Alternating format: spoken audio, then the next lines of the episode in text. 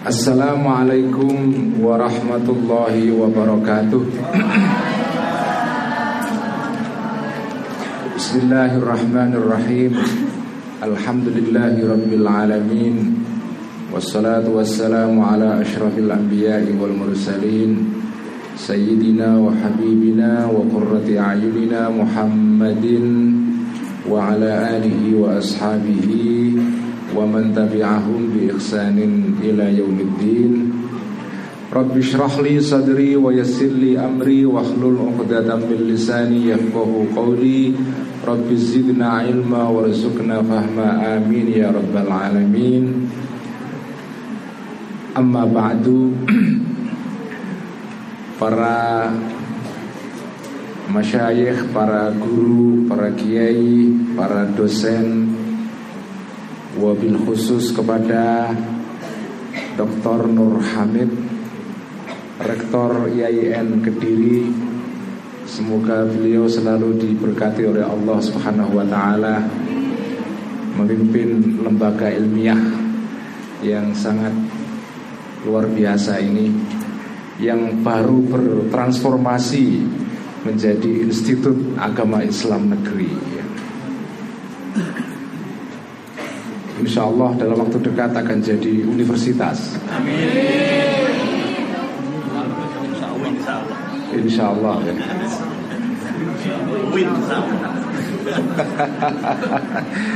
Cepat atau lambat akan sampai ke sana ya. Juga kepada Dr. Ahmad Subagir ya, Wakil Rektor kedua Dr. Wahidul Anam Warek tiga. Warek ini ya. Warek itu kalau dalam bahasa Jawa artinya kenyang gitu Kenyang ilmu insya Allah Kepada Bapak Kabiro Para sivitas akademika IAIN Kediri Dan juga kepada Mas Zuhri Humaidi ya koordinator dan direktur uh, Jari ya. Jari. Jari. Oh Jari. Jamaah Reboan ya, Jari. Kalau nahunya itu jer itu ya.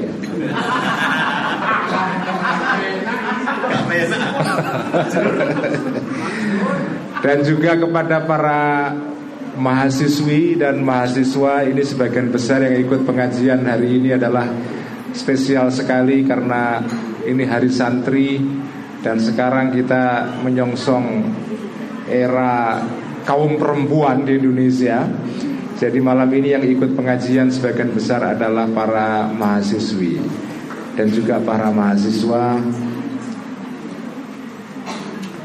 dan juga kepada para santri-santri yang mengikuti ngaji ihya secara online live streaming yang disiarkan oleh istri saya Mbak Dina Suraya alias Mbak Admin ya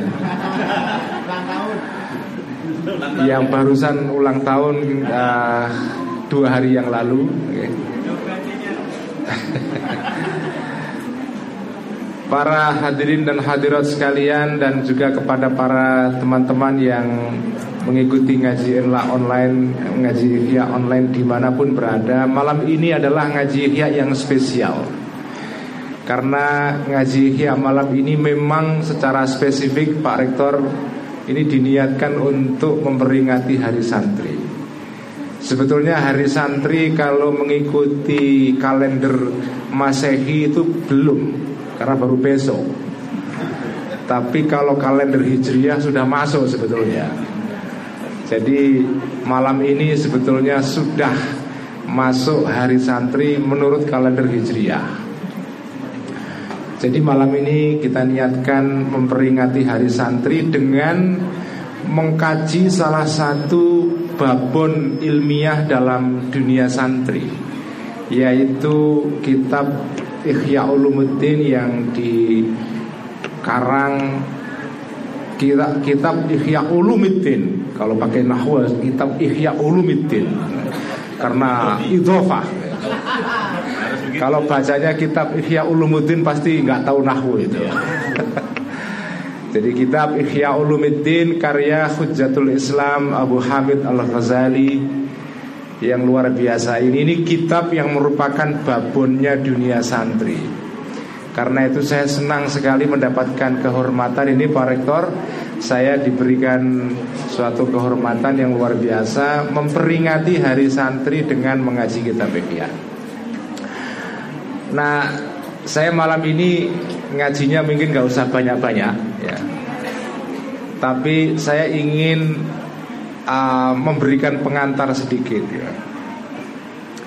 Kota Kediri ini kota yang spesial Terutama karena ada kisah yang menarik yang terkait dengan kakek dari istri saya Yaitu Kiai Bishri Mustafa jadi Kiai Bishri itu punya putra banyak Salah satunya adalah Kiai Mustafa Bishri alias Gusmus Yang merupakan ayahanda dari Mbak Admin atau istri saya ini Nah Mbak Bishri itu saya ingin berkisah ini karena Ini bagi saya uh, layak dikenang kisah seperti ini Karena mengingatkan tentang betapa para kiai-kiai kita dulu itu sebetulnya punya sumbangan yang luar biasa bagi dunia ilmiah melalui uh, tulisan dan buku. Karena Kiai Bishri Mustafa ini itu dikenal sebagai kiai yang menulis banyak buku dalam bahasa Jawa terutama ya.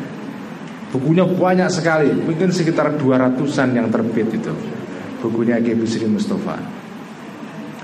Jarang sekarang kiai-kiai yang mau ngarang kitab dan buku itu Bahkan dalam bahasa Jawa sekalipun Bahasa yang dikuasai dengan cukup baik oleh kiai-kiai kita Itu kiai-kiai kita jarang yang menulis buku. Nah Kiai Bisri itu salah satu kiai yang menulis banyak buku. Karena itu patut kita kenang ya. Dan Al-Ghazali juga kiai yang banyak menulis buku ulama besar yang bukunya banyak. Nah saya akan mulai ngaji dengan berkisah tentang Kiai Bisri Dan temannya beliau yang tidak lain adalah Kiai Makhrus Ali. Karena dua kiai ini dulu sebetulnya sama-sama nyantri di Rembang ya. Kiai Makhrus, Kiai Makhrus kemudian Kiai Ali Maksum ya, Putranya Kiai Maksum Lasem yang menjadi pengasuh pesantren Kerapiak Dan pernah menjadi Rois Am ya sebelum setelah Mbah Bisi Sansuri meninggal beliau digantikan oleh Kiai Maksum Ali Maksum Grafia ya. Jadi Mbah Bishri Mustafa, Mbah Mahrus Ali, Mbah Ali Maksum Krapia, kemudian Mbah Abdul Hamid Pesuruan. Ini empat orang ini sebetulnya kiai-kiai besar yang menjadi kiai ternama di Jawa. Beliau itu pernah ngaji satu perguruan di desa namanya Kasingan di Rembang. Eh, belajar kepada kiai namanya Kiai Khalil Kasingan. Ada dua Khalil di Jawa yang terkenal, Khalil Bangkalan Madura, ya Kiai Khalil atau Syekhona Khalil. Yang kedua adalah uh, Kiai Khalil Kasingan. Ya. Dua-duanya ahli ilmu alat, ahli ahli ilmu nahwu. Karena itu disebut sebagai al Khalilaini. Ya. Jadi dua Khalil yang sama-sama ahli ilmu alat. Ya. Nah Kiai Bisri dan Kiai Makhrus Ali itu dua-duanya dulu pernah belajar kepada Kiai Khalil ini Nah Kiai Bisri belakangan setelah selesai belajar menjadi Kiai itu banyak mengarang buku Tapi uh, fase pertama ketika Mbak Bisri itu ngarang buku itu kan belum seterkenal belakangan kan. Waktu pertama kali ngarang buku itu buku-buku beliau itu sebelum diterbitkan oleh Menara Kudus ya. Menara Kudus itu penerbit hampir sebagian besar buku-bukunya Kiai Bisri Mustafa. Sebelum beliau mengirim naskah ke sana itu diterbitkan oleh penerbit milik orang Arab di Surabaya. Namanya penerbit Salim Nabhan. Itu terkenal itu. Ini milik orang Arab. Nah dulu itu Kiai Bisri sering mengirim naskahnya kepada uh, Kiai apa Pak Salim Nabhan ini. Nah ketika itu Kiai Bisri belum terkenal, tapi buku-bukunya itu sudah diterbitkan oleh penerbit Surabaya ini. Nah satu saat pertama kali beliau itu apa beberapa kali ya pernah beliau itu mengirim naskah kepada Pak Salim Nabhan ini ke Surabaya diantar oleh beliau sendiri. Jadi Kiai Bisri pernah mengantar naskah karangan beliau langsung kepada Pak Salim Nabhan. Tapi dia menyamar sebagai santri. Jadi berpakaian tidak ala kiai tapi ala santri biasa. Karena nanti keta kalau ketahuan kiai kan nggak enak masa kiai kok ngarang buku diatur sendiri itu kan apa kayaknya kok nggak pas gitu. Jadi beliau menyamar sebagai santri bertemu dengan Pak Salim Nabhan ini ditanya eh, ini saya utusan kata Mbak Bisri saya diutus oleh Kiai Bisri Mustafa dari Rembang untuk mengantar naskah ini. Terus Pak Salim Nabhan bertanya kepada Mbak Bisri Mau dijual berapa naskah ini? Ya saya lupa apa ini cerita Gusmu sendiri kepada beberapa orang termasuk saya juga mendengarkan cerita ini sering kali ya. Ya misalnya 10 ribu dijual 10 ribu. Wah kemahalan kalau 10 ribu ini. Bagaimana kalau tak beli naskah ini 5 ribu saja? Kata Mbak Bisri, ya saya nggak bisa memutuskan, saya harus matur dulu kepada Mbak Bisri. Boleh apa tidak? Ya sudah nggak apa-apa. Kamu pulang dulu bilang kepada Mbak Bisri kalau boleh saya beli 5 ribu. Tapi nyuwun sewu Pak Salim saya pergi ke sini ini tadi hanya diberi ongkos satu jalan saja saya nggak punya ongkos pulang ini ya sudah tak kasih ongkos pulang kamu pulang matur pada Ki Bisri setelah dikasih ongkos pulang, Kiai Bisri tidak pulang ke Rembang. Beliau mampir ke Lirboyo ke temannya yaitu Ki Mahrusali. Mampir dulu ke Lirboyo, besok paginya datang ke Surabaya lagi mengantarkan naskah kembali dan matur kepada Pak Salim Nabhan bahwa menurut Mbak Bisri boleh di, di, dibeli 5000 saja. Akhirnya dibeli naskah itu lima ribu. Nah itu beberapa kali begitu. Nah satu ketika karena bukunya Mbak Bisri ini laku Kemudian Pak Salim Nabhan kepingin ketemu Mbak Bisri langsung Saya kepingin ketemu Kiai Bisri Pada pertemuan yang lain Matur kepada Kiai Bisri yang menyamar sebagai santri ini. Saya mau ke Rembang, mau ketemu dengan pengarang kiai yang ngarang buku terkenal ini siapa ini Bibi Bisri ini. Akhirnya datang ke Rembang Pak Salim Nabhan Begitu sampai ke Rembang Ki Bisri agak Wah ini gimana kalau saya ketahuan uh, apa Identitas asli saya gitu kan Begitu menjelang Pak Salim Nabhan sampai di Rembang Beliau sengaja pakai pakaian yang sekiai mungkin supaya nggak ketahuan dulu santrinya itu. Diterima semula Pak Salim nggak curiga apa-apa. Begitu sudah ngobrol berkali-kali kemudian Pak Salim curiga, Kiai, saya rasanya kok sudah sering ketemu dengan jenengan itu. Saya kok suaranya, wajahnya kok kayak mirip itu. Dulu yang ke Surabaya ngantar naskah itu siapa sebetulnya itu? Ah, itu saya Pak Salim itu. Saya menyamar karena saya ewoh masa ngantar naskah. Kok diantar saya sendiri pengarangnya? Saya kan kiai gitu kan. Jadi Mbak Bisri itu punya kisah dengan Kediri Baik sebagai teman Kiai Mahros Ali Maupun sebagai pengarang buku Jadi ini makanya saya senang sekali datang ke Kediri Karena nanti insya Allah habis dari ngaji ini saya akan sowan ke makamnya Ki Mahrus ya. Jadi ini spesial. Nah Ki Bisri ini menurut saya penting dikenang dalam hari santri karena kalau sekarang ada gerakan untuk literasi para anak-anak muda di pesantren, di perguruan tinggi, di sekolah-sekolah, Kiai Bisri Mustafa, ya adik-adik semua para mahasiswa-mahasiswi, Kiai Bisri ini salah satu kiai yang punya karya yang luar biasa banyak sekali patut dicontoh karena inilah kiai yang bisa kita sebut sebagai penggerak literasi di dunia pesantren. Salah satu karya beliau yang paling terkenal adalah tafsir Al-Ibris, tafsir dalam bahasa Jawa. Yang itu sampai sekarang di uh, diajarkan secara rutin oleh beberapa kiai dibaca dalam bahasa Jawa. Salah satunya saya pernah uh, sowan kepada seorang kiai di Jawa Timur yang ngaji kitab ini itu di daerah Mojokerto.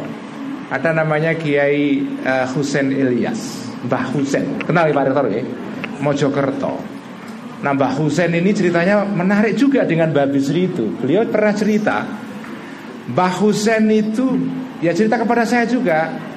Gus, ketika saya parah ke sana itu, saya itu nggak pernah ngaji. Jadi kalau saya ngaji salah itu saya nggak apa-apa. Karena saya nggak punya beban apa-apa, saya nggak pernah ngaji. Saya dulu ngajinya itu kata beliau Kiai Husain Ilyas itu, saya pernah datang ke Rembang. Sowan kepada Kiai Bisri waktu masih muda beliau. Mbak Bisri Mustafa itu meninggal tahun 1977, persis menjelang pemilu 77. Nah Mbak Husain Ilyas datang ke sana, pulau buatan wantun masuk teng dalam Mbak Bisri. Saya nggak berani masuk. Saya itu sowan hanya duduk di gerdu di pinggir jalan di pinggir jalan gitu. Nah Mbak Bisri ketika tahu didatangi itu diparani. Kue sopo jong, kamu siapa? Oh saya Husen Mbak Bisri, saya dari Mojokerto. Kamu mau ngapain ke sini? Saya mau ngaji. Kemudian sirahnya Kiai Husen ini dilus-lus sama Mbak Bisri. Dilus-lus, dah kamu pulang.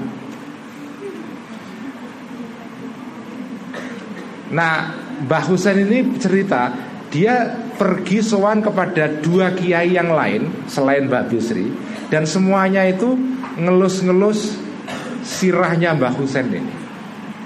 Jadi beliau ini nggak pernah ngaji tapi begitu pulang langsung jadi kiai. Gara-gara dilus-lus sirahnya itu. Ini kalau ada dosen yang bisa begini ini enak ngelus-ngelus sirai mahasiswa langsung pinter itu.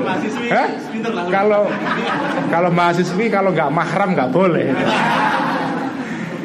Itu kalau ada dosen kok ngelus-ngelus sirahnya santri langsung ngalim tuh enak banget itu. Ya tapi itu nggak semua kiai bisa begitu. Kalau dosen nggak bisa kayaknya itu. Tapi ada tradisi pesantren itu begitu. Jadi kiai yang memang makomnya sudah tinggi sekali transfer ilmunya itu kayak bluetooth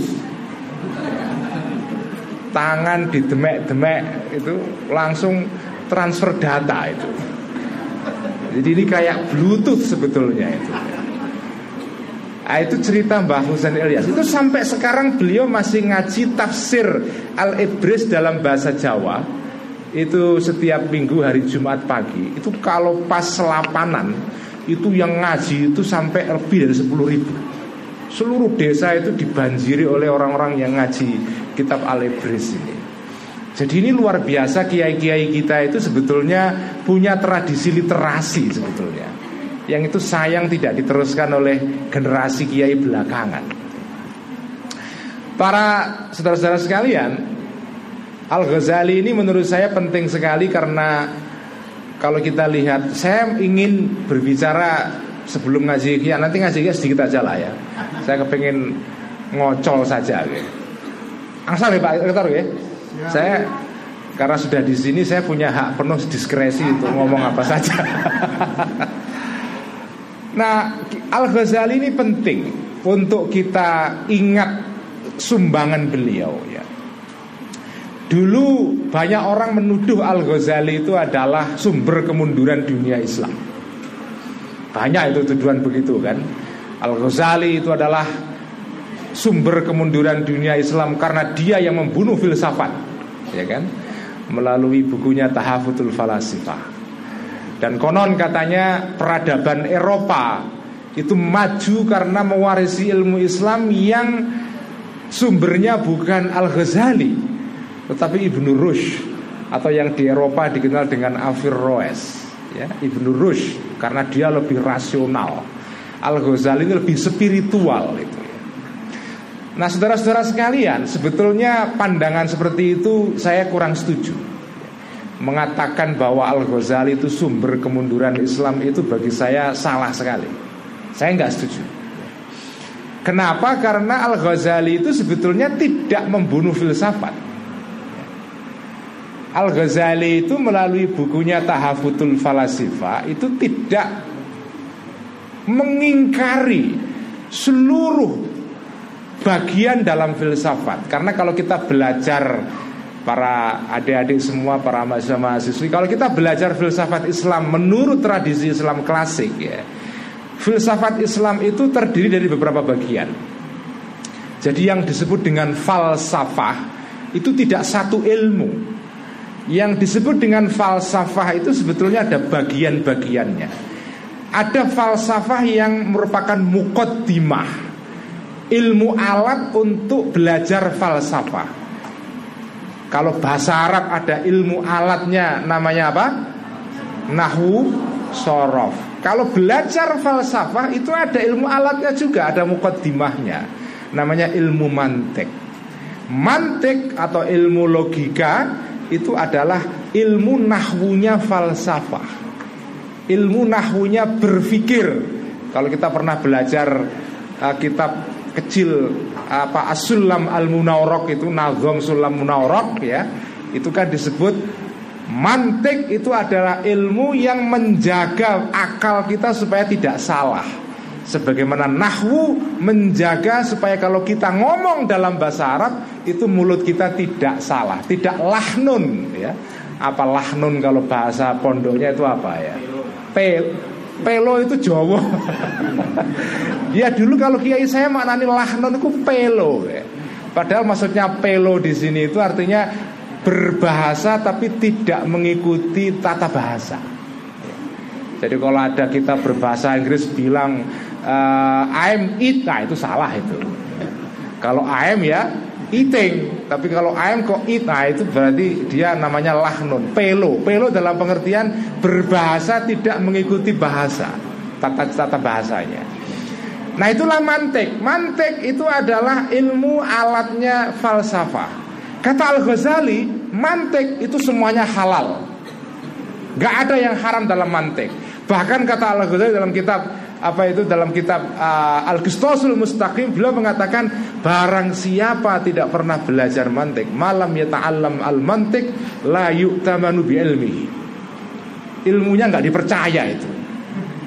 Jadi kalau barang siapa tidak pernah belajar mantik maka dia tidak dipercaya ilmunya. Al-Ghazali belajar mantik dan bahkan ngarang mantik. Judulnya apa itu? Al al hakun nazar ya uh, apa. Jadi itu.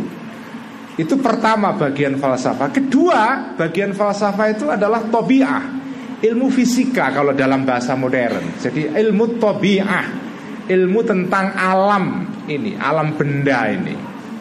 Nah kata Al Ghazali di dalam ilmu tobiah nggak ada sesuatu yang bermasalah. Ya, hampir semuanya ilmu tobiah itu netral, tidak ada yang berlawanan dengan akidah Islam. Nah ilmu kedua adalah ilmu yang disebut dengan bagian falsafah yang disebut dengan ilmu ma ba'dat Ilmu metafisika Yang dalam bahasa filsafat Islam juga disebut dengan al-ilmul ilahiyat ya.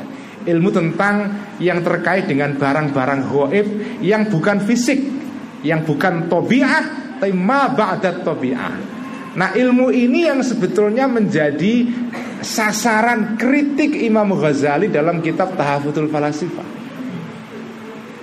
Tetapi ilmu di dalam ma'ba'dat tabi'ah ilmu ilahiyah tidak semuanya ditolak oleh Al-Ghazali. Dari sekian ratus masalah dalam ilmu falsafah yang disebut dengan ma'ba'dat tabi'ah itu hanya ada 20 yang bermasalah. Itu pun yang Al-Ghazali mengkafirkan falasifah itu hanya dalam empat masalah dari 20 itu. 16-nya ya dikritik tapi tidak dikafirkan. Artinya apa? Falsafah itu sebetulnya yang bermasalah dikritik oleh Al-Ghazali itu tidak semuanya. Karena kalau disebut Al-Ghazali itu membunuh falsafah Gimana membunuh? Wong mantek beliau masih mengatakan itu wajib dikuasai oleh para ulama. Ilmu tabiah tidak soal Ilmu maba'dat tabi'ah hanya empat masalah saja yang dijadikan sasaran kritik paling keras. 16-nya tidak jadi soal. Nah yang terakhir ilmu ah, falsafah itu adalah ilmu falsafah yang bersifat falsafah amaliyah ya. Falsafah praktis yang isinya dua, asyasah wal akhlak. Asyasah wal akhlak sebetulnya ada tiga sebetulnya falsafah amaliyah itu ada ilmu tentang ekonomi yang disebut dengan tadbirul manzil bagaimana cara untuk mengelola rumah tangga supaya nggak bangkrut namanya ilmu ekonomi itu falsafah sebetulnya. Yang kedua adalah ilmu akhlak yaitu cara mengatur tata cara perilaku kita sebagai pribadi. Dan terakhir adalah ilmu untuk mengatur rumah tangga negara. Tadbirul manzil dalam pengertian tadbirul madinah yaitu mengatur negara. Karena dulu istilah negara itu nggak ada yang adalah al madinah ad-daulah itu sebetulnya nggak banyak dipakai makanya al farabi nulis buku al madinah al fadilah ya negara utama. Jadi negara itu nyebutnya adalah Al-Madinah. Nah kalau ilmu akhlak dan ilmu iktisad atau ilmu ekonomi dan ilmu akhlak dan ilmu siasa itu sebetulnya ya ada beberapa yang bermasalah tapi sebagian besar tidak soal. Jadi menyebut Al Ghazali itu sebagai pembunuh falsafah itu keliru sekali. Nah malam ini kita akan ngaji Al Ghazali bukan sebagai filosof, tapi Al-Ghazali sebagai seorang mutasawwif atau seorang sufi dan itu bagi saya penting sekali kita pelajari karena tasawuf itu tradisi yang bagian dari tradisi Islam yang nggak bisa kita kita hilangkan. Jadi saya mengatakan bahwa dalam Islam itu ada ada tradisi tasawuf, ada tradisi falsafah yang rasional, tapi juga ada tradisi ilmu-ilmu yang oleh Muhammad Abid Al-Jabiri dengan disebut dengan ulumul bayan. Ya, yaitu fikih uh, terutama fikih, ya, ilmu-ilmu tentang hukum ya. Nah itu, nah malam ini saya akan ngaji Al-Ghazali sebagai seorang sufi Nah karena kita ngaji di kalangan pesantren dan dunia akademis Maka saya akan ngaji bagian dalam kitab Ihya jilid pertama yaitu bagian tentang kitabul ilm ya kitab mengenai ilmu. Dan ini sudah saya baca berkali-kali di berbagai kesempatan. Sebetulnya ngaji Ihya yang urutan saya itu yang normal itu di jilid ketiga mengenai soal penyakit-penyakit hati. Tapi malam ini kalau saya ngaji Ihya di luar Jakarta biasanya saya ngaji yang terkait dengan ilmu ini um, karena karena saya ngaji di lingkungan akademis di IAIN jadi mungkin agak tepat kalau saya membaca kitab ini. Ini ada di halaman 43 jilid pertama dalam kitab Ihya okay. Uh, Kitabul Ilm. Maka akan saya baca meneruskan ngaji Ihya minggu sebelumnya itu di Gorontalo. Uh, nah jadi saya meneruskan ngaji Ihya di Gorontalo. Um, jadi saya mulai dari uh, kalimat di mana saya berhenti pada ngaji sebelumnya yaitu halaman 23 baris keempat dari bawah 1 2 3 4 yang judulnya adalah wathalithu okay. wathalithu Nah, saya beri mukadimah sebentar tentang ini, ya, para terutama para adik-adik yang mungkin belum familiar dengan kitab Ihya. Kitab Ihya ini kitab karangan Al Ghazali, seorang ulama besar yang hidup pada abad 10 Masehi Kitab Ihya ini dibagi empat jilid. Ya empat jilid. Saya menyebutnya empat kuadran. Kuadran pertama Ar-Rubu'ul Awal ya, Perempat yang pertama Itu berbicara mengenai soal ibadah. Perempat kedua, kuadran kedua itu tentang muamalah Kuadran ketiga itu berbicara mengenai Nah ini intinya ikhya sebetulnya Tentang penyakit-penyakit hati Yang dalam kitab Al-Ihya Diistilahkan dengan istilah Al-Muhlikat ya. Nah itu yang sebetulnya bacaan rutin saya Yang keempat, yang terakhir Kuadran terakhir adalah kitab tentang cara mengobati penyakit-penyakit hati. Jadi kalau kuadran ketiga tentang penyakitnya, kuadran keempat obatnya yang disebut dengan al-munjiat ya. Nah malam ini kita akan baca kuadran pertama yang dibuka dengan kitabul ilm. Ini luar biasa kitab Ihya itu jadi um, sebetulnya ini kita tentang ibadah tapi dibuka dengan pembahasan mengenai ilmu. Dan sudah banyak disertasi yang ditulis tentang Ihya yang jilid pertama bab pertama tentang kitabul ilm ini Salah satunya adalah disertasi yang ditulis oleh seorang profesor dari Malaysia yang belajar di Amerika namanya Profesor Usman Bakar ya kalau pernah dengar ya. Beliau nulis disertasi tentang kitab Ihya jilid pertama bab pertama. Jadi satu bab itu jadi disertasi ya. uh, judulnya tentang hierarki ilmu pengetahuan dalam Islam itu disertasinya Usman Bakar. Nah, disertasi tentang Ihya itu banyak sekali. Gak kehitung dalam bahasa Inggris, bahasa Perancis, bahasa Itali, bahasa Spanyol, selain bahasa Arab dan juga bahasa Indonesia. Itu disertasi tentang kitab Ihya itu Masya Allah banyak sekali. Dan riset tentang Imam Ghazali di dunia akademis di Barat itu sudah menurut saya sudah berlebihan. Jadi Al Ghazali itu sudah kategorinya over research. Ya, kebanyakan tentang Al Ghazali banyak banget, banyak banget. Bahkan ada asosiasi sarjana pengkaji Al Ghazali itu ada sendiri. Di malah di Yayan Kediri belum ada ya. Sudah ada itu. Nah, jenengan kalau kepengen mengecek itu ya di internet itu ada satu portal, ada satu website yang didedikasikan untuk mencatat semua studi-studi mengenai Al-Ghazali. Itu al tapi sekarang sudah nggak begitu aktif ya. Ketika saya kuliah dulu masih aktif itu. Juduan alamat websitenya www.alghazali.org. Nanti di, di, di, dicari saja www.alghazali gh ya a a a l g h a z a l i alghazali.org itu bahan-bahan disertasi, makalah, riset apa pun tentang Al Ghazali dalam berbagai bahasa. Itu di situ semua ada. Buku-buku tentang Al Ghazali banyak sekali dan salah satu biografi Al Ghazali yang terkenal ditulis oleh seorang orientalis dari Skotlandia namanya Mon Montgomery Watt yang terkenal terkenal terkenal dengan bukunya tentang Muhammad at Mecca, Muhammad at Medina. Ya dan juga sekaligus penerjemah Tarikh Tobari.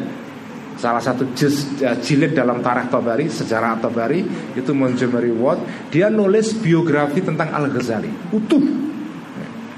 Dan disertasi Al Ghazali sampai sekarang itu masih banyak masih ada, masih terus ada. Salah satunya disertasi yang saya baru, baru baca, baru terbit mungkin kira-kira dua atau tiga tahun yang lalu tentang Al Ghazali di Af, di Andalusia. Karena ini cerita menarik Al Ghazali itu dulu ketika ngarang, ketika ngarang Ihya ya, itu tidak mulus-mulus saja. Kitab Ihya itu waktu dikarang itu pernah di fatwa sesat oleh ulama. Padahal Ihya loh. Orang apanya itu? Apalagi jila. Oh. Ini Ihya aja pernah di fatwa sesat oleh seorang kodi Andalusia dan dibakar di depan alun-alun kota. Itu kitab Ihya. Delapan tahun selesai kitab dikarang itu pernah difatwa sesat oleh seorang kodi madhab maliki uh, di Andalusia. Jadi Al Ghazali itu dengan kitab Ihya-nya sebetulnya ya pernah kontroversial juga. Kenapa? Nanti akan ketahuan kalau kita baca dalam bab ini karena Al Ghazali itu dalam kitab kalau dalam kitab Tahafutul Falasifah Al Ghazali itu objek kritiknya itu para filosof kitab Ihya objek kritiknya para ulama. Jadi kalau kita baca kitab Ihya itu kitab Ihya itu isinya banyak mengkritik para ulama dan lebih spesifik lagi yang dikritik adalah ulama ahli fikih. Nah ini kan bermasalah emang kan. Sementara ulama fikih itu ulama ulama yang ilmu fikih itu ilmu premium dalam dunia Islam. Ilmu utama itu jadi sasaran kritik Al-Ghazali. Nah Al-Ghazali itu bukan main-main karena beliau sendiri juga ahli fikih. Mengarang kitab fikih yang belakangan nanti kitab fikih beliau menjadi sumber pelajaran fikih di pesantren Madhab Syafi'i itu salah satu babonnya itu kalau diurut-urut ke belakang itu kembalinya kepada bukunya Al-Ghazali. Kenapa? Karena Al Ghazali cerita, makanya saya ngaji ya sedikit aja karena ini saya kepengen ngomong aja tentang uh, banyak hal karena mumpung hari santri ya. Al Ghazali itu salah satu ulama penting ya para saudara-saudara sekalian karena kita semua ini kan pengikut madhab madhab apa? Eh, Syafi'i kan kita semua madhab Syafi'i. Nah kita sedikit belajar tentang madhab Syafi'i juga. Al Ghazali menikah eh, adalah muridnya seorang ulama besar namanya Al Imamul Haramain atau Al Imam Al Juwaini. Ya. Imam Juwaini itu gurunya Al Ghazali sampai meninggal. Al sampai Imam Haramain meninggal itu Al Ghazali berguru kepada Imam Haramain. Setelah Imam Haramain jadi Imam Haramain itu juga unik. Beliau itu pernah terusir dari kampungnya. Apa ya? Menjadi eksil. Apa eksil itu menjadi pengungsi selama bertahun-tahun di Makkah dan Madinah karena pernah terjadi persekusi terhadap madhab Syafi'i di daerah Khurasan. Nah beliau lari terhadap penindasan terhadap madhab syafi'i ini. Dia pergi ke Mekah Madinah ngajar di sana. Setelah persekusi itu berlalu Karena ketika itu yang yang menjadi apa ya madhab utama itu Hanafi. Madhab syafi'i itu pernah ditindas. Nah karena Al-Haramain itu ulama madhab syafi'i Beliau melarikan diri ke Mekah Madinah tapi setelah rajanya, ketika itu namanya uh, raja uh, raja Saljuk ya, uh, namanya saya lupa sebelum Malik Shah ya, mungkin Uluh Bek kalau tidak salah ya. Setelah berlalu meninggal raja ini, kemudian madhab Syafi'i dipulihkan. Nah Al Haramain balik pulang ke Khurasan. Nah setelah itulah Al Ghazali berguru kepada Muharram setelah beliau mengungsi selama bertahun-tahun. Nah Al-Haramain ini dikenal dengan kitabnya yang menjadi babon dalam madhab syafi'i namanya kitab Nihayatul Matlab. Fi dirayatil madhab. Itu ensiklopedi madhab syafi'i. Seluruh pendapatnya ashabu syafi'i Murid-murid asyafi'i itu semua dimuat di dalam kitab Nihayatul Matlab ini. Ini kitab besar ensiklopedi madhab syafi'i Sebelum kitab Al-Majmu' karangan Imam Nawawi bukan Nawawi Banten ini Nawawi yang Damaskus ya Syria. Nah Al Ghazali itu muridnya Imam Haromen pengarang buku babon dalam madhab Syafi'i namanya Nihayatul Matlab. Nah Nihayatul Matlab kemudian diringkaskan oleh Al Ghazali dalam dalam tiga buku. Yang pertama adalah kitab namanya Al Basit itu ringkasan tapi masih panjang. Ya, kemudian uh, yang berikutnya adalah al-wajiz ya. Kemudian al-wasit. Jadi ada al-basit, al-wasit, al-wajiz. Ini semua ringkasan dari kitab Nihayatul. Nihayatul Matlab itu kalau yang edisi sekarang itu kira-kira kalau nggak salah hampir 15 jilid. Gede banget. Udahlah nggak nggak nggak mungkin baca kalian lah ya. Nggak kuat pasti itu. 15 jilid. Waduh, Diringkaskan dalam Al-Basit kira-kira mungkin 8 jilid. Diringkas di dalam Al-Wasit mungkin sekitar 3 atau 4 jilid. Kemudian diringkaskan lagi karena murid-murid ini nggak nggak nggak kuat baca buku panjang. Diringkaskan lagi menjadi Al-Wajiz. Itu satu jilid saja. Tapi edisi yang sekarang kalau nggak salah dua jilid. Nah Al-Wajiz inilah kemudian menjadi sumber kitabnya Imam Nawawi. Namanya Minhajut Talibin. Minhajul Talibin itu adalah ringkasan dari kitab Al-Wajiznya Al-Ghazali. Nah Minhajul Talibin inilah yang melahirkan kitab-kitab Syafi'i yang dibarang di pondok pesantren. Fathul Wahab, Syarhul Minhaj. Ada macam-macam itu ya. Jadi Fathul, Fathul Wahab itu yang terkenal Kemudian ada Tuhfatul Muhtaj Itu karangan Ibnu Hajar Al-Haytami jadi Al-Ghazali ini ahli fikih, tapi dalam kitab Ihya beliau itu banyak mengkritik para ulama fikih. Nah, mari kita baca tentang uh, tentang kritiknya Al-Ghazali tentang para ulama ini yaitu di dalam halaman 43. Tapi sebelum itu, sebelum ngaji Ihya kita bacakan dulu Al-Fatihah, kita hadiahkan kepada Al-Ghazali, tapi juga kita hadiahkan kepada para wali-wali di Jawa, di Indonesia, para penyebar Islam di tanah Nusantara, pada kiai-kiai kita, kepada para muassis Jamiah Nahdlatul Ulama, para muassis negara Indonesia, para guru-guru kita, para kiai-kiai kita di seluruh Jawa di Indonesia, bapak-bapak kita, orang-orang tua kita, saudara-saudara kita, lahum jami'an al-fatihah أعوذ بالله من الشيطان الرجيم. بسم الله الرحمن الرحيم. الحمد لله رب العالمين. الرحمن الرحيم. مالك يوم الدين. إياك نعبد وإياك نستعين. اهدنا الصراط المستقيم. صراط الذين أنعمت عليهم غير المغضوب عليهم ولا الضالين. آمين. بسم الله الرحمن الرحيم. قال المؤلف رحمه الله تعالى ونفعنا به وبعلومه في الدارين. آمين. ربي يسر وأعين. Jadi dalam bab ini Al-Ghazali itu mengkoreksi tentang penyalahgunaan atau distorsi makna dari lima istilah penting yang merupakan istilah-istilah dalam ilmu-ilmu Islam. Yang pertama yang dikritik beliau adalah istilah tentang fikih. Yang kedua adalah tentang al-ilm dan ketiga ini at-tauhid. Ya. Nah, dalam bagian sebelumnya Al-Ghazali mengkritik Istilah fikih itu di dalam sejarah awal Islam Terutama pada zaman kanjeng Nabi dan sahabatnya Itu artinya adalah bukan fikih dalam pengertian kita sekarang. Ketika kanjeng Nabi pernah mendoakan Ibnu Abbas dengan doa beliau yang terkenal ya Allahumma faqihu fiddin wa alimhu ta'wil. Ya Allah berilah anak ini Ibnu Abbas Ada eh, pengetahuan tentang fikih Allahumma faqihu fiddin. Jadikanlah Ibnu Abbas ahli fikih Itu bukan artinya Ibnu Abbas ahli fikih dalam pengertian kita sekarang.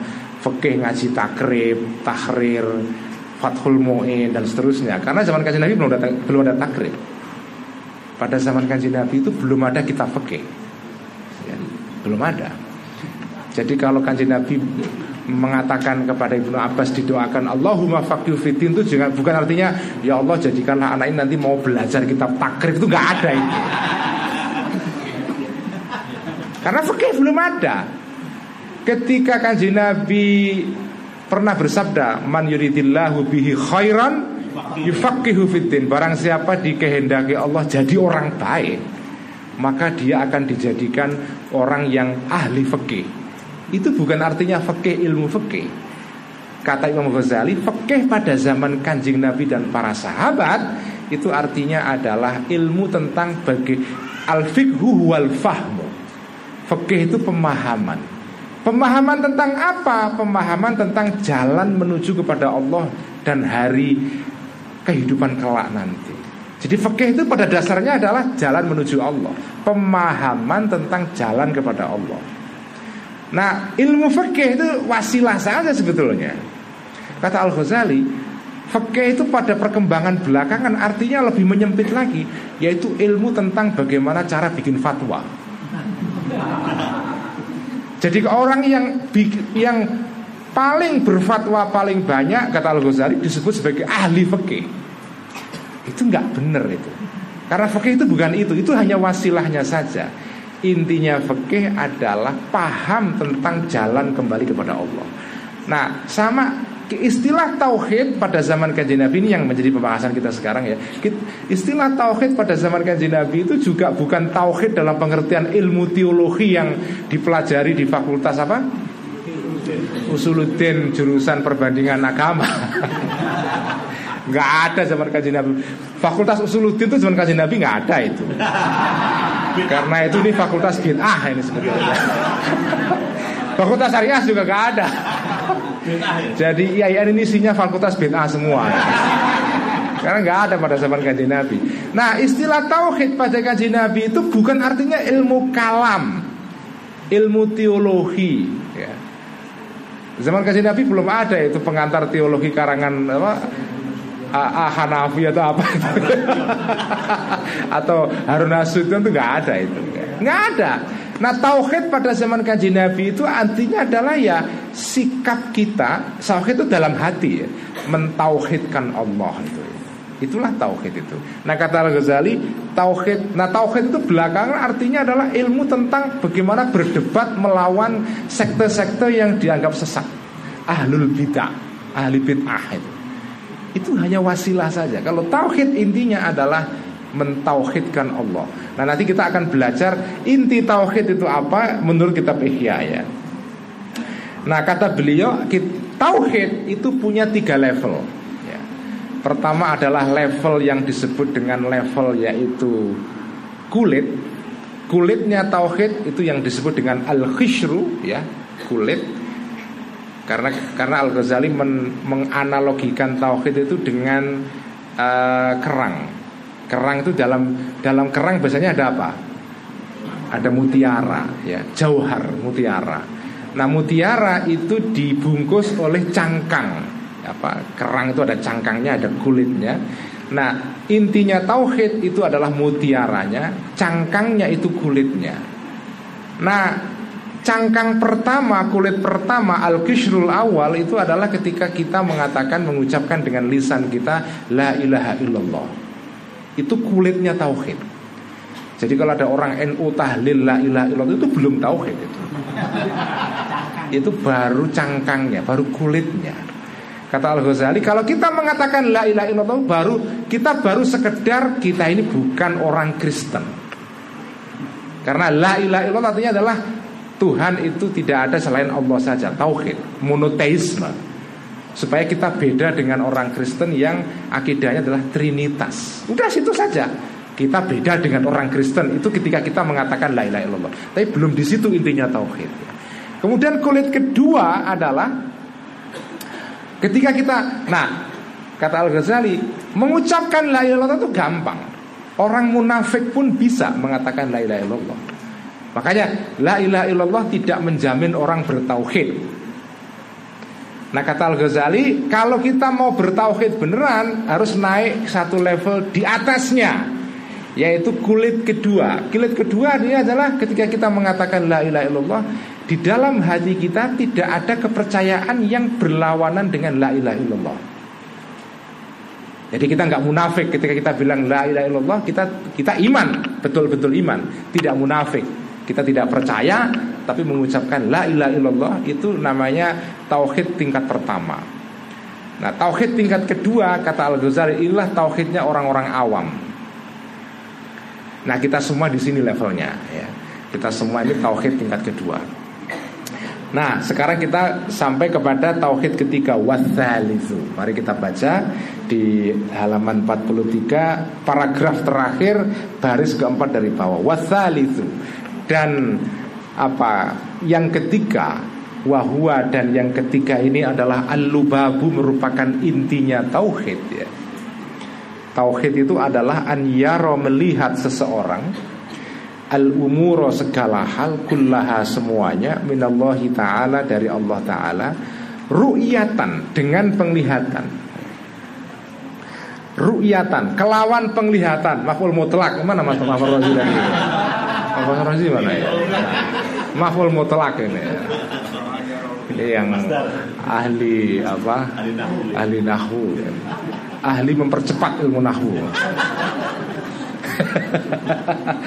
Ru'yatan dengan penglihatan. Takto'u yang bisa memutus penglihatan ini Iltifatahu Nolehnya orang tadi itu ya Nolehnya orang itu Noleh dari mana? Ta'aluknya huruf jer'an Anil wasaiti dari uh, Perantara-perantara yang Mengantarai kita dengan Allah Maksudnya al-wasait itu sih ya Wa dan menyembah orang tadi itu hu kepada Allah. Ini orang ini rujuknya jauh sekali. Dalam ilmu nahwu itu ilmu yang paling rumit itu ilmu merujukkan domir. Ada yang rujuknya itu tetangganya sendiri dekat. Ada yang rujuknya dari Kediri sampai Surabaya. Jauh banget, udah hilang itu. Rujukannya udah hilang semua. Ya makanya kalau kiai saya dulu kalau sudah rujuknya jauh itu udah selesai yang sudah disebut tadi. Udah al-madhkur saja. Kalau rujuknya itu Itu kalau domir mudhakar Kalau mu'annas ya al-madhkuroh Yang sudah disebut tapi mu'annas. Udah gampang aja. Kalau cari rujukannya susah ya. Nggak ada Google Map lagi untuk domir kan ya. Susah nyarinya rujuknya. Kejauhan sudah. Jadi uh, orang tadi itu an ya'budu dan menyembah orang tadi hu kepada Allah ibadatan ibadah secara ibadah ini juga maf'ul mutlak juga yufridu yang nyuwijeke me menyatukan orang tadi itu hu kepada Allah biha dengan ibadah. Ibadah yang murni hanya untuk Allah. Fala ya'budu. Maka tidak menyembah orang tadi itu ghairahu selain Allah. Jadi intinya tauhid sebetulnya tauhid itu bukan pengetahuan tentang sifat Allah 20 gitu ya atau muktakat seket kalau dalam istilah orang-orang NU gitu kan. Akidatul awam sifat Allah itu ada 20 wujud kita bakok itu itu adalah wasilah untuk memahami tauhid. Tapi pada intinya tauhid adalah sikap dalam diri kita ya yang yaitu ya seperti definisi ihsan dalam hadis Nabi itu ya. Jadi tauhid adalah an apa itu tadi? Ya an yara al umura kullaha minallahi taala. Melihat segala hal ini itu sebetulnya di baliknya ini itu Allah semua penglihatan ini begitu mendalamnya mengakar dalam diri orang itu sehingga orang ini ru'yatan penglihatan ini memutus orang ini dari melihat sesuatu yang bukan Allah itu. Nah, saudara-saudara, saya sering kali menerangkan tentang apa ya tentang filsafat atau uh, fil, cara pandang orang beriman orang berislam ya orang beriman itu pandangannya tentang dunia ini itu sebetulnya pandangan yang um, pandangan yang mempunyai dua dimensi. Orang disebut orang beriman ketika dia melihat sesuatu itu Itu adalah ada dua dimensinya. Ada sesuatu yang terlihat Ada sesuatu yang tidak terlihat Yang terlihat apa? Ya ini sesuatu yang bersifat fisik Kita melihat botol aqua Botolnya ini adalah dimensi lahirnya yang di dalam filsafat tadi itu itu disebut dengan at-tabi'ah. Inilah at-tabi'ah. At-tabi'ah artinya adalah objek yang bisa diindera dengan indera kita, mata kita. Ini namanya adalah at-tabi'ah. Ini namanya adalah aspek lahir. Tetapi orang beriman ketika melihat sesuatu tidak berhenti kepada sesuatu yang lahir. Tapi dia melihat di balik yang lahir ini ada sesuatu yang tidak tobiah yang tidak kelihatan. Itulah yang dalam bahasa filsafat Islam disebut dengan maba'adat tobiah. Sesuatu yang dibalik yang kodrati, yang kelihatan ini. Nah, orang beriman itu tidak mungkin pandangannya itu materialistik. Karena filsafat yang materialistik itu filsafat yang bertentangan dengan cara pandang orang beriman. Karena filsafat materialistik itu filsafat yang mengatakan ya bahwa segala sesuatu itu berhenti hanya kepada yang nampak saja. Kalau di sini ada yang pernah baca bukunya yang sangat laris manis Stephen Hawking, ya. uh, apa itu uh, Grand Design, ya Stephen Hawking kan terkenal dalam penutup bukunya atau dalam pembukaan bahkan bukunya mengatakan bahwa alam raya ini itu cukup diterangkan dengan hukum-hukum yang ada di dalamnya. Tidak butuh keterangan di luar alam. Tuhan itu nggak relevan di dalam penjelasan alam ini. Gak ada, gak ada relevansinya karena seluruh gejala alam ini bisa diterangkan dengan hukum-hukum yang imanen, yang berada di dalam alam itu. Biologi itu juga atopiah. Kalau kita belajar biologi yang biologi modern ya, itu sama juga. Seluruh proses munculnya kehidupan itu bisa diterangkan dengan ilmu biologi. Tuhan itu nggak penting, karena nggak ada relevansinya. Itu namanya cara pandang materialistik. Cara pandang materialistik menganggap bahwa ya ini penting buat anak-anak mahasiswa yang apa yang mungkin nanti belajar falsafah ya. Cara pandang materialistik adalah cara pandang yang mengatakan bahwa dunia itu berhenti pada dirinya sendiri. Gak membutuhkan penjelasan di luar dunia ini. Tuhan tuh gak penting. Nah ini cara pandang yang materialistik. Nah kalau orang beriman Dunia material itu hanya satu faset saja. Makanya kalau kita belajar falsafah dalam tradisi Islam Makanya saya suka falsafah Islam itu karena At-Tobi'ah dan Maba'dat Tobi'ah itu Itu kayak fase yang berkelanjutan. Begitu kamu belajar At-Tobi'ah Setelah itu belajar Maba'dat Tobi'ah di balik tobiah ini ada sesuatu yang tidak kelihatan yang dalam bahasa Quran disebut dengan al-ghaib yang itu menentukan segala yang kelihatan ini. Itu namanya cara pandang orang beriman. Karena itu orang beriman itu ciri-cirinya alladzina yu'minuna bil ghaibi. Kalau la yu'minuna bil tidak percaya kepada yang gaib dia materialistik. Orang beriman tidak mengingkari material, tidak mengingkari dunia materi. Jangan disalah, sangat salah loh ya.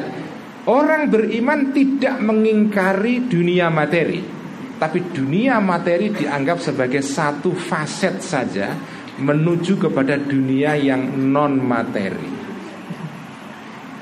Makanya materialisme itu tidak diterima di dalam falsafah Islam.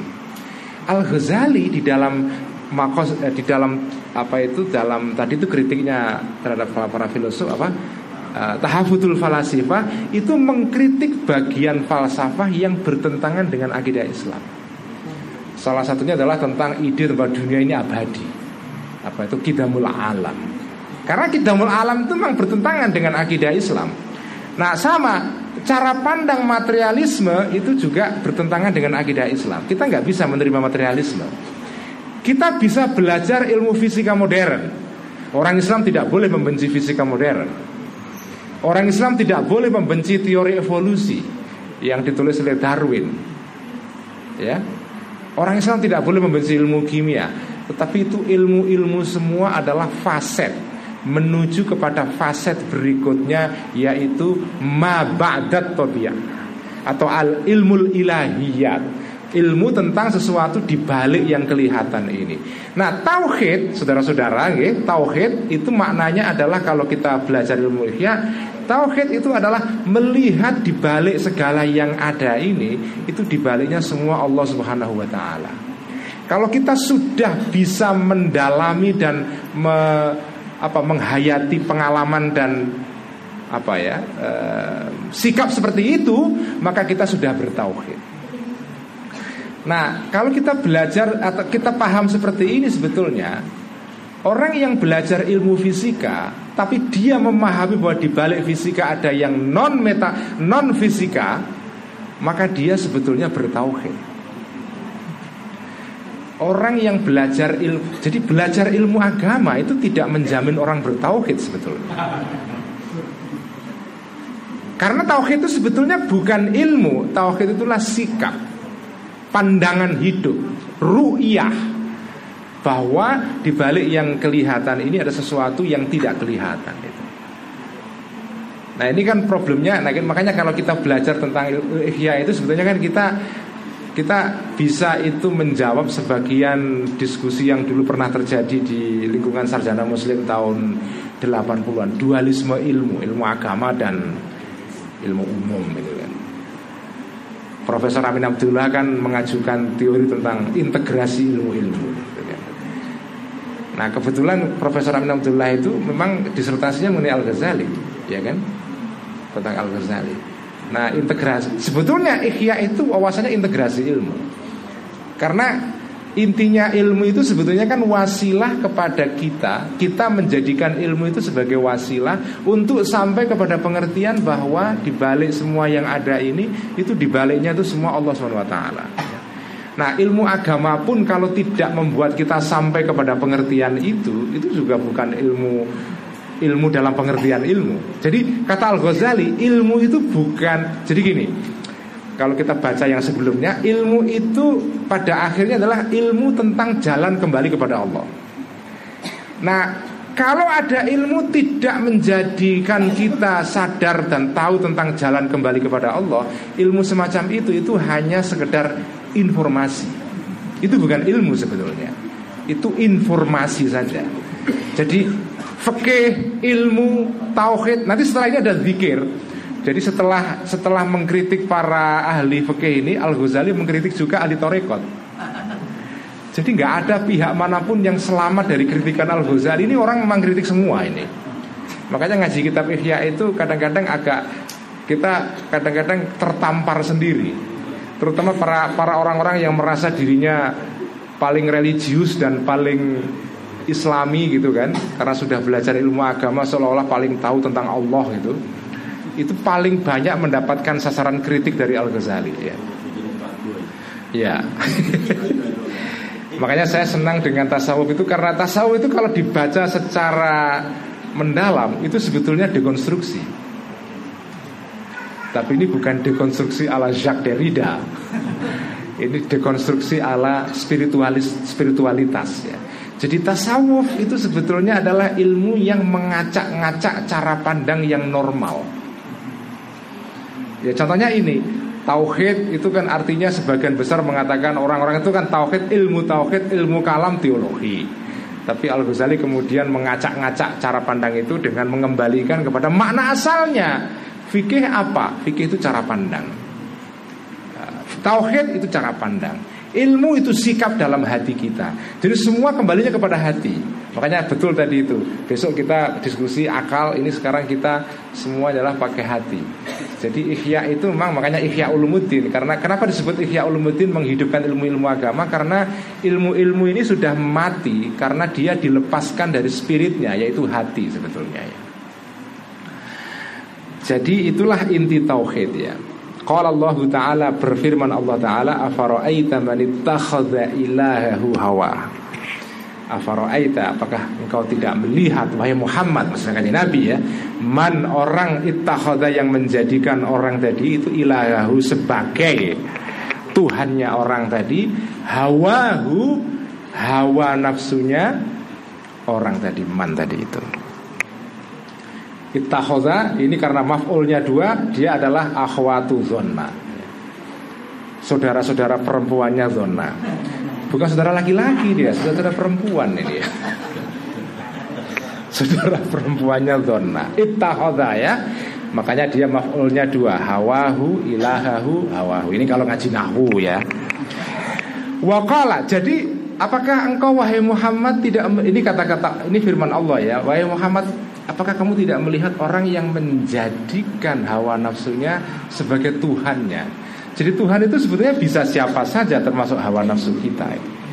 Wakala dan berkata dan bersabda kanjeng Muhammad Shallallahu Alaihi Wasallam.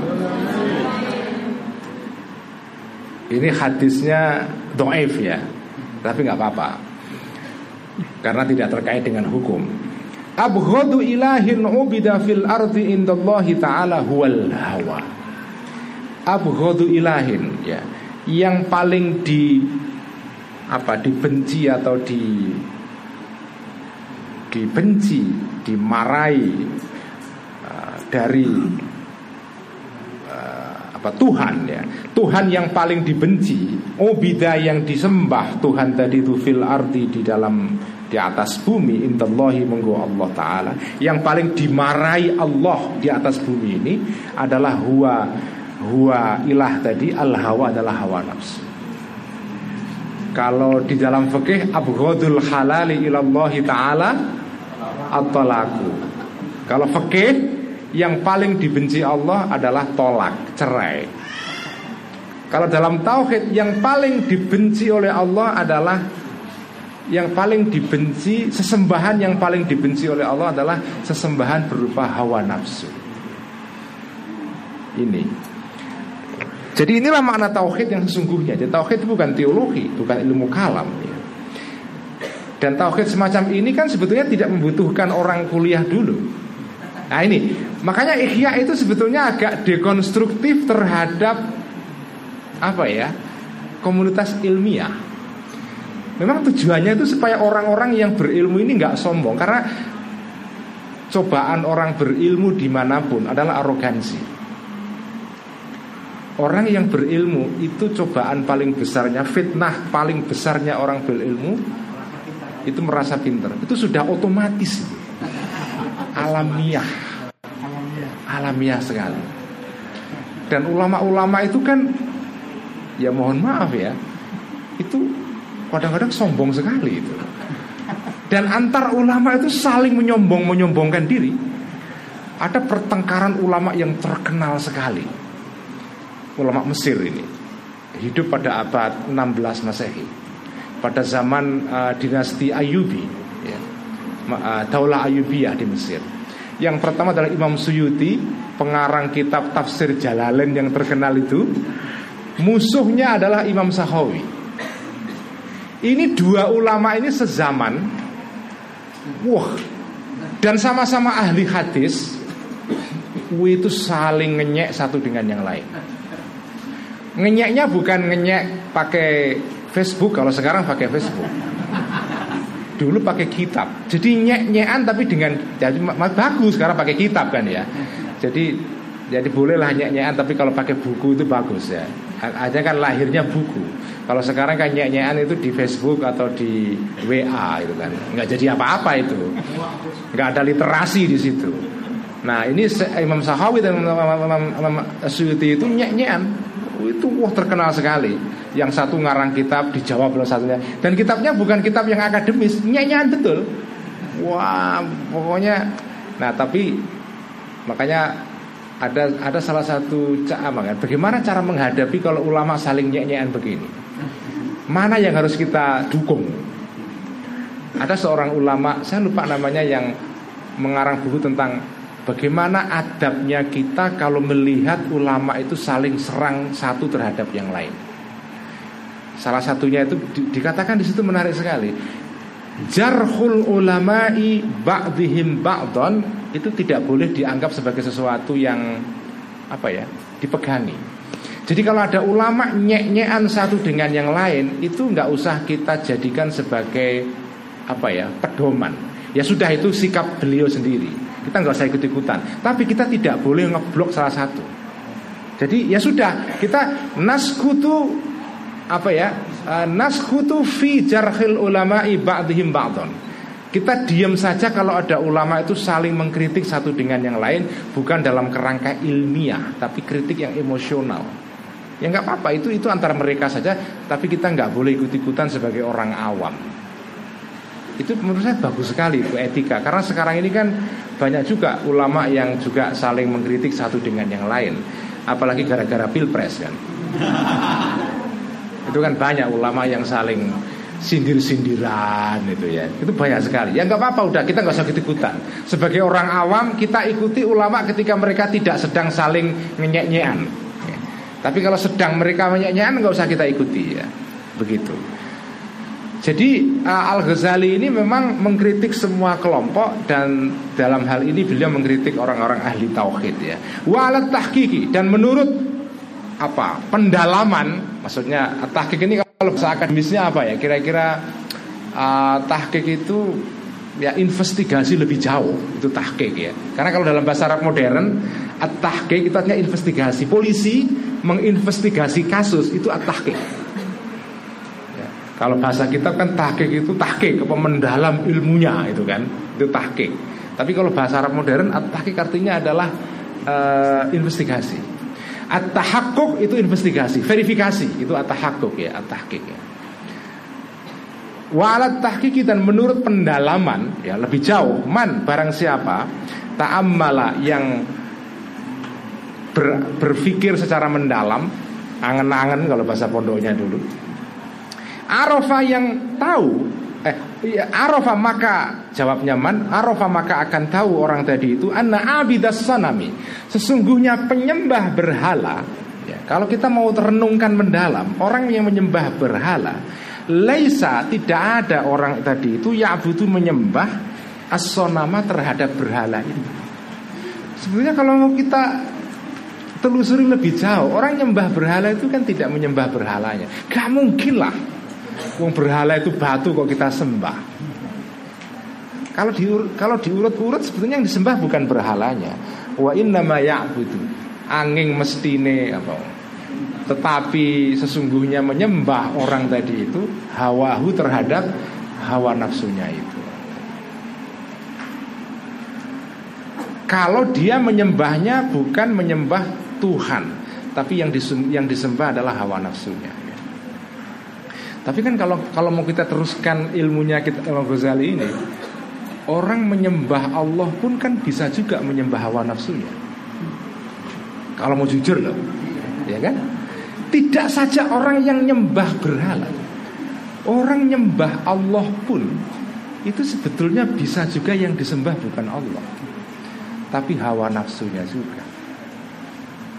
Kalau ketika kita menyembah Allah itu sekarang coba, coba pikirkan saja. Sekarang ini banyak fenomena orang ber, katanya menyembah Allah. Contohnya ini ya, ini mohon maaf ini kritiknya mungkin agak sedikit uh, politis dan agak keras ini.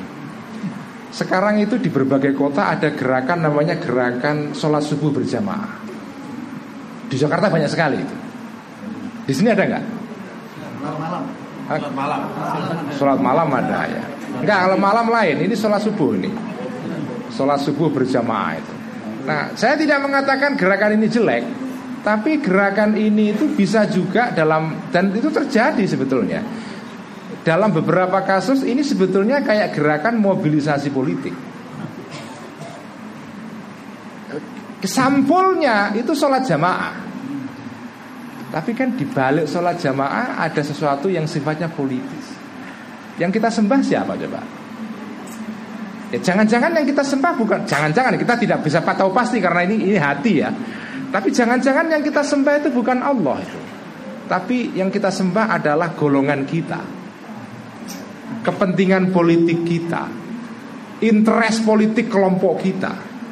Nah, inilah menurut saya pentingnya tasawuf itu, membuat kita sadar terus, bahkan ketika kita sedang beribadah pun, itu sesungguhnya kita bisa juga tidak beribadah. Jadi covernya beribadah tetapi isinya adalah hawa nafsu.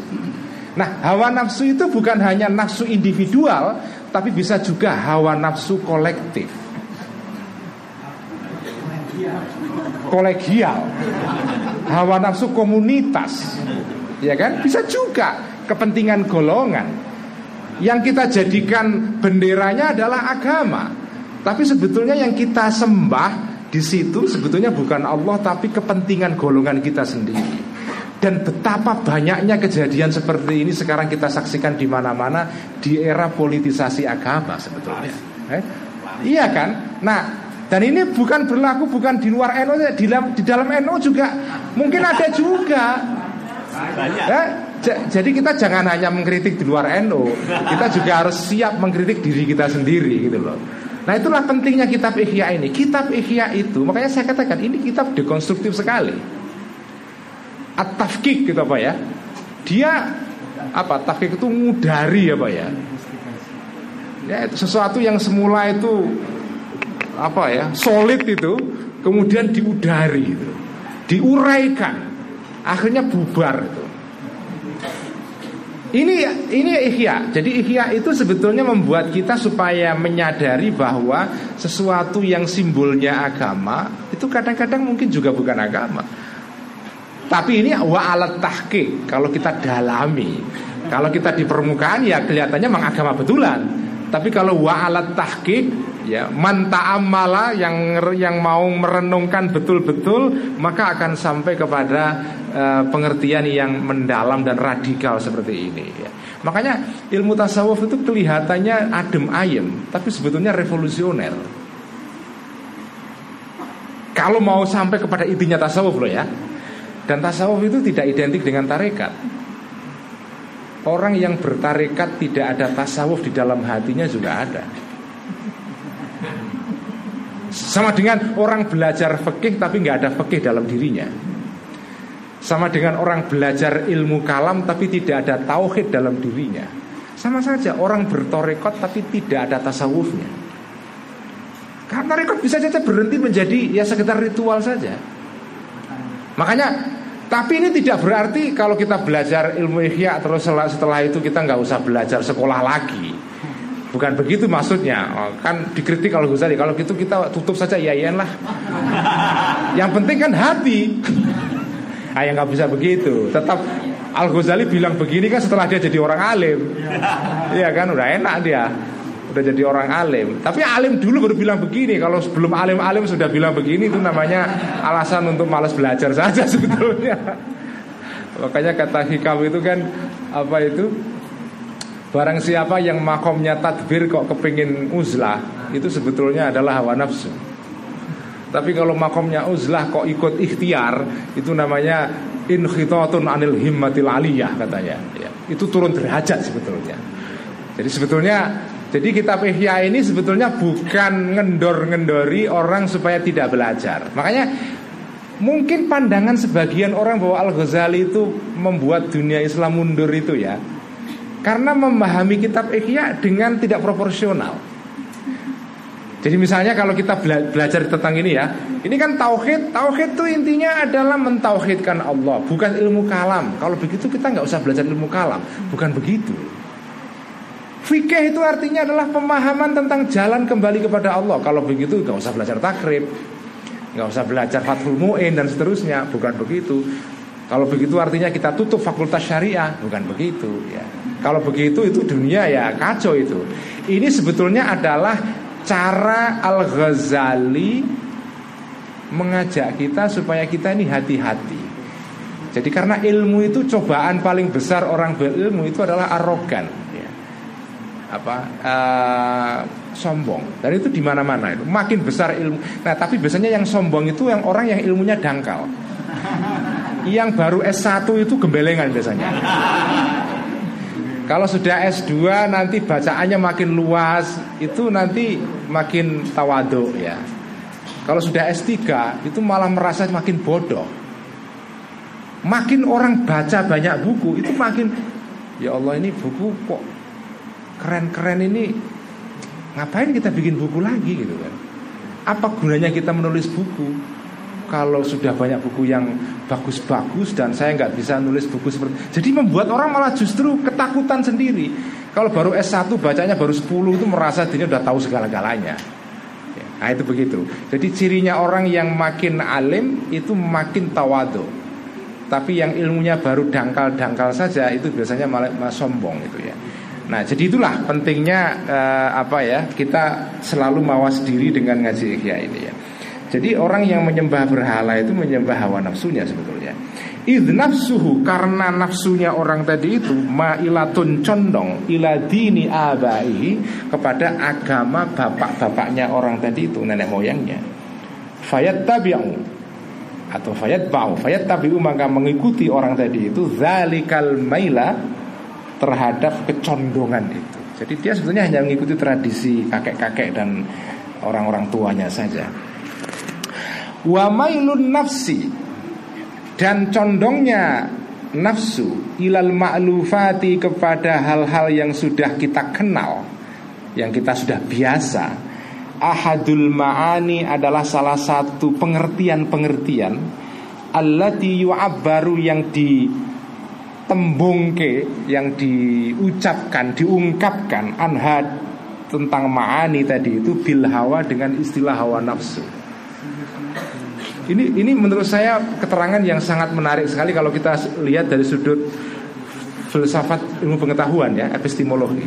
Jadi kata Al-Ghazali, salah satu makna hawa nafsu itu artinya adalah sesuatu yang sudah kita kenal selama ini. Kita sudah tahu, sudah apa ya? Sudah menjadi bagian dari kenyamanan kita sehari-hari. Lalu kita senang Karena kan kalau kita sudah terbiasa dengan satu gagasan Satu ideologi, satu isme, satu pikiran, satu madhab Itu kan kita merasa nyaman di situ. Yang disebut dengan comfort zone Zona nyaman. Hawa nafsu itu adalah al-ma'lufat.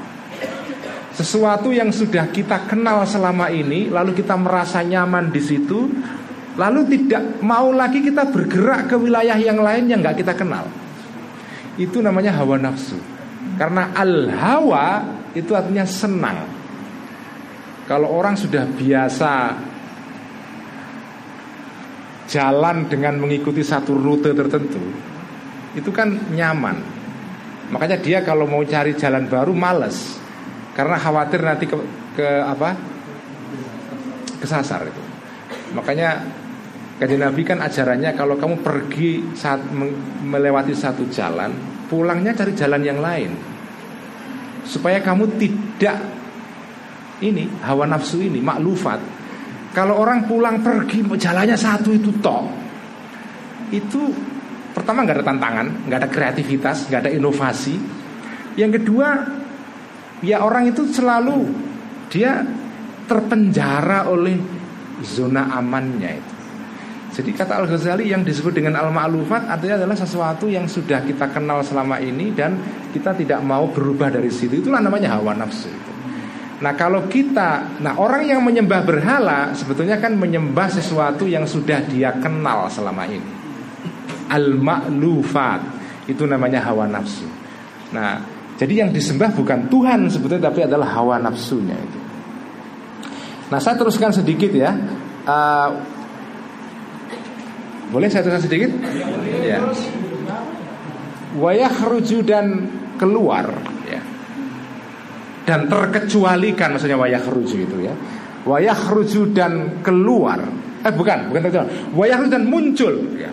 Wayah ruju dan muncul sebagai hasil min hadat tauhid dari tauhid yang seperti ini bukan tauhid dalam pengertian ilmu kalam dan teologi ya, adalah uh, at-tasakhutu ya. Tauhid yang bukan tauhid ya tauhid yang hawa nafsu ini ya. Wayah rusu dan keluar min hadat tauhidi dari tauhid yang berbasis hawa nafsu ini atas itu sifat apa membenci. Alal holki kepada makhluk kepada masyarakat manusia. Wal iltifatu dan condong ilaihim kepada makhluk jadi hasil dari tauhid yang hawa nafsu ini adalah dua kalau kamu tidak benci orang yang lain kamu mencintai orang lain itu berlebihan. Dengan kata lain, tauhid semacam ini itu kalau memakai bahasa modern itu semacam nasionalisme yang xenofobik.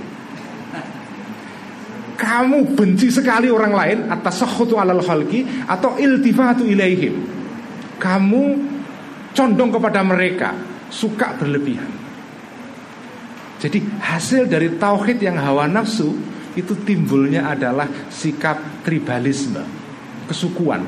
Apa watak kesukuan? Kamu benci kepada suku yang lain kalau kalau sedang bermusuhan atau mencintai suku lain yang berkoalisi dengan kita. Tapi kalau tauhid yang betul-betul tauhid tidak begitu. Makanya kata Sayyidina Ali kan al-haqqu eh ar-rijalu yu'rafu bil haqq wa laysal haqqu yu'rafu bir rijal. Jadi kebenaran eh orang-orang itu dinilai berdasarkan kebenaran bukan kebenaran dinilai berdasarkan orang-orang. Karena kalau kita menilai orang-orang itu sebagai standar kebenaran maka yang muncul adalah like and dislike. Sama dengan tauhid hawa nafsu ini kalau kamu sudah mengunggulkan satu tokoh apa pun yang dikatakan tokoh itu benar. Padahal kan nggak begitu. Kalau kamu bertauhid betul-betul sumber kebenaran hanya Allah Subhanahu wa taala. Yang dikatakan orang-orang itu bisa salah bisa benar. Ya. Allah dan Rasulnya yang sumber yang benar yang mutlak. Selain Allah kata Abu Hanifah ya an-nasu apa itu apa? An-nasu yu'khadhu minhu wa yuraddu alaihi illa sahib hadhil maqbarah kata Sayyidina Abu Hanifah kan orang itu bisa diambil pendapatnya bisa ditolak bisa dikritik kecuali yang punya kuburan ini. Artinya kan Nabi. Nah tauhid yang berbasis hawa nafsu itu ujungnya adalah like and dislike. Kamu suka sekali orang lain atau benci orang lain Dengan cara yang semuanya ekstrim Tauhid yang benar-benar tauhid itu tidak begitu Karena standarnya itu bukan orang Atau suku atau golongan Standarnya adalah kebenaran, nilai Karena itu ini sebagai penutup saja sudah panjangan ya. Saya tutup dengan keterangan yang menarik dari Al Ghazali dalam kitab Atibrul Masbuk fi Nasihatil Muluk. Ini penting sekali karena ini buku tentang teori politik Al Ghazali selain kitab Ihya ya. Atibrul Masbuk fi Nasihatil Muluk. Saya kemarin kuliah mengenai kitab ini di Unsud di Purwokerto tentang teori politiknya Al Ghazali. Dalam kitab Atibrul Masbuk Finasi Hatil Muluk Al-Ghazali mengatakan bahwa politik itu dibagi tiga Ada siasatul muluk wassalatin ya, Siasatnya para raja-raja dan sultan-sultan ya. Ada siasatul Pertama asias, pertama yang paling tinggi adalah siasatul ambia Politiknya para nabi-nabi. Kemudian kedua siasatul ulama. Siasatnya para ulama yang merupakan pewaris para nabi. Dan terakhir adalah siasatul muluk wassalatin. Siasatnya para uh, sultan dan raja-raja. Nah, ketika Al Ghazali menulis kitab Nasihatul Muluk ini, itu praktek negara Islam itu sudah sampai kepada satu fase di mana otoritas agama dengan otoritas politik itu sudah terpecah. Jadi pada zaman kanjeng Nabi dulu Nabi itu fungsinya ya khalifah ya raja Nabi tokoh agama dan tokoh politik Karena itu kalau ada orang bertanya soal politik Datang kanjeng Nabi Datang soal tanya soal agama juga kepada kanjeng Nabi dua-duanya Jadi di sini kanjeng Nabi itu fungsinya ganda ada fungsi raja, ada fungsi nabi, dua-duanya. Kemudian Khulafaur Rashidin itu juga masih sama. Fungsinya masih Al-Malik wan Nabi itu jadi satu. Maksudnya tokoh agama dan tokoh politik jadi satu. Begitu Bani Umayyah itu pecah. Otoritas politik dan otoritas agama itu terpisah. Ulama dan sultan itu sudah beda. Pada zaman Bani Umayyah kalau kamu kepingin tanya soal agama Kembalinya kepada ulama Zaman Abu Bakar, Umar, Utsman Ali Kalau tanya agama, ya sultan juga Sekarang kan nggak mungkin lagi kita Kita mau tanya soal fatwa agama kan nggak mungkin ke bupati Kalau ada masalah batul masail Kita ke, ke bupati atau ke Lirboyo Eh? ah, ah, ya wapres nanti kita akan bahas wapres ini. Bagaimana wapres ini cara membacanya ini? Jadi ini, jadi pada zaman Bani Umayyah pecah itu antara Sultatul al Sultoh Asia-Asia was Sultoh Ad-Diniyah itu terpisah. Nah, cuma oleh para ulama dianggap ini nggak ideal pemisahan antara otoritas keagamaan dan otoritas politik. Harus jadinya satu, seperti pada zaman kanjeng Nabi. Ya. Makanya ketika muncul negara Abbasiyah itu ada upaya penyatuan kembali. Berhasil.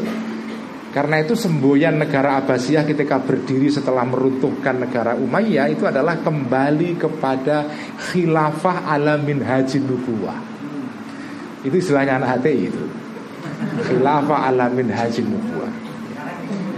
Mereka ingin kembali meniru khilafah pada zaman kanjeng Nabi Yaitu otoritas agama dan otoritas politik jadi satu Itu berhasil tapi tidak tahan lama Waktu zaman Al-Ghazali hidup pecah lagi Akhirnya ulama-ulama pada zaman, pada zaman Al-Ghazali itu berkesimpulan Ini kenapa ya kita kok nggak bisa menyatukan antara raja dengan nabi Antara bupati dan kiai ini kok misah terus Nggak bisa itu disatukan itu Akhirnya para ulama itu kemudian berkesimpulan memang nggak bisa.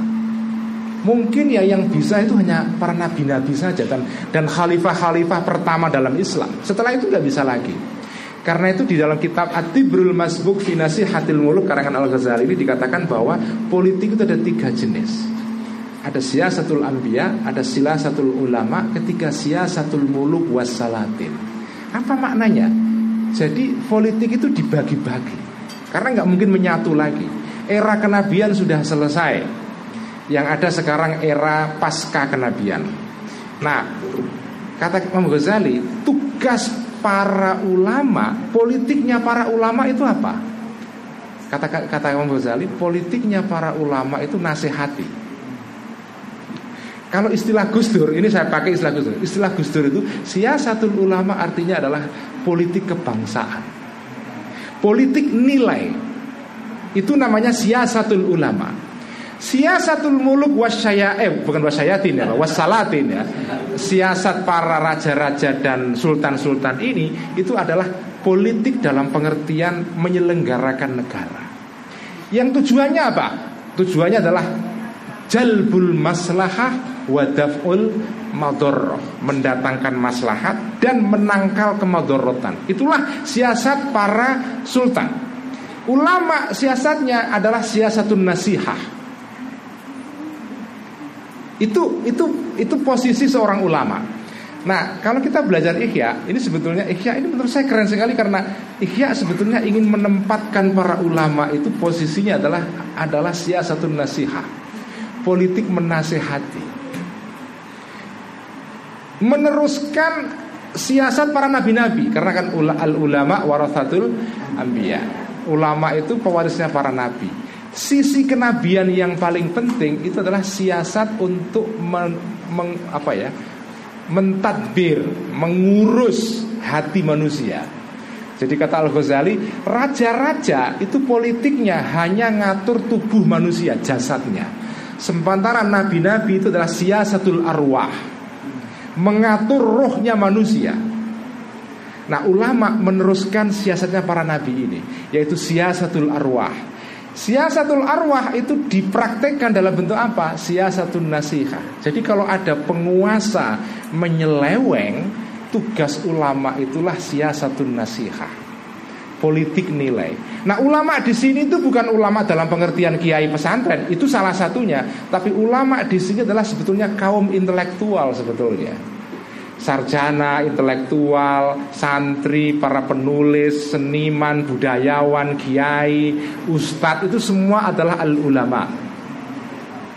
Politik mereka apa? Siasatun nasihah. Siasat untuk menasehati kalau para raja-raja ini menjauhi siasat keadilan. Daf'ul uh, jalbul maslahah wa daf'ul madarrah itu. Itulah tugas politik para para santri, para intelektual, para sarjana di mana pun. Nah sekarang kalau ada kiai jadi wapres bagaimana? Nah, ini pertanyaan penting ini kan? Bagaimana dibaca dalam skema Al Ghazali ini? nah kalau kita baca dalam skema Al Ghazali dalam Nasihatul Muluk ini kira-kira begini. Jadi Ya kalau ulama sudah terjun gunung menjadi seorang al-muluk wassalatin ya, ya dia menjadi al-muluk ya. Kalau Ki Ma'ruf masuk ke istana wapres Dia al-muluk wassalatin Tapi kalau balik ke panduknya nanti jadi kiai lagi ya al-ulama ya jadi tugas al ulama di sini artinya adalah bagaimana mengingatkan supaya al muluk wassalatin ini tetap dalam tracknya ini bagi saya penting sekali karena sekarang kita ini menghadapi satu situasi di mana uh, ada beberapa tokoh-tokoh agama yang jadi tokoh politik juga. Nah ini menurut saya skema Al-Ghazali penting ya tentang tiga model politik ini Siasatul Ambiya, Siasatul Ulama, dan Siasatul Muluk ya. Yang dipakai istilahnya itu Al-Muluk bukan Al-Khulafa. Kenapa bukunya Al-Ghazali kok tidak Nasihatul Khulafa? Kenapa kok Nasihatul Muluk? Karena pada zaman Al-Ghazali Khalifah itu sudah hilang. Khalifah pada zaman Al-Ghazali itu sudah hanya menjadi kepala negara simbolik. Penguasa real dalam politik itu adalah Al-Malik, Raja. Khalifah itu hanya tukang stempel saja Pada zaman Al-Ghazali Khalifah Abbasiyah masih ada. Tapi Khalifah Abbasiyah itu kayak dibuat mainan saja. Penguasa realnya itu adalah Al-Muluk. Nah siapa al-muluk itu? Al-muluk itu sebagian besar adalah para panglima militer. Karena mereka punya tentara, khalifah nggak bisa apa-apa Nah karena itu Al-Ghazali menulis buku untuk orang-orang yang menjadi penguasa real dalam politik ini Namanya al-muluk Karena khalifahnya sendiri sudah nggak penting pengaruhnya jadi tidak nasihatul khulafa tapi nasihatul muluk dan al muluk artinya bukan khalifah Al-muluk dengan al-khulafa beda sama sekali. Al-khalifah itu artinya adalah penguasa politik dan agama sekaligus. Tapi al-muluk itu hanya murni penguasa negara. Kalau dalam bahasa sekarang itu perdana menteri. Kalau al-khalifah itu presiden.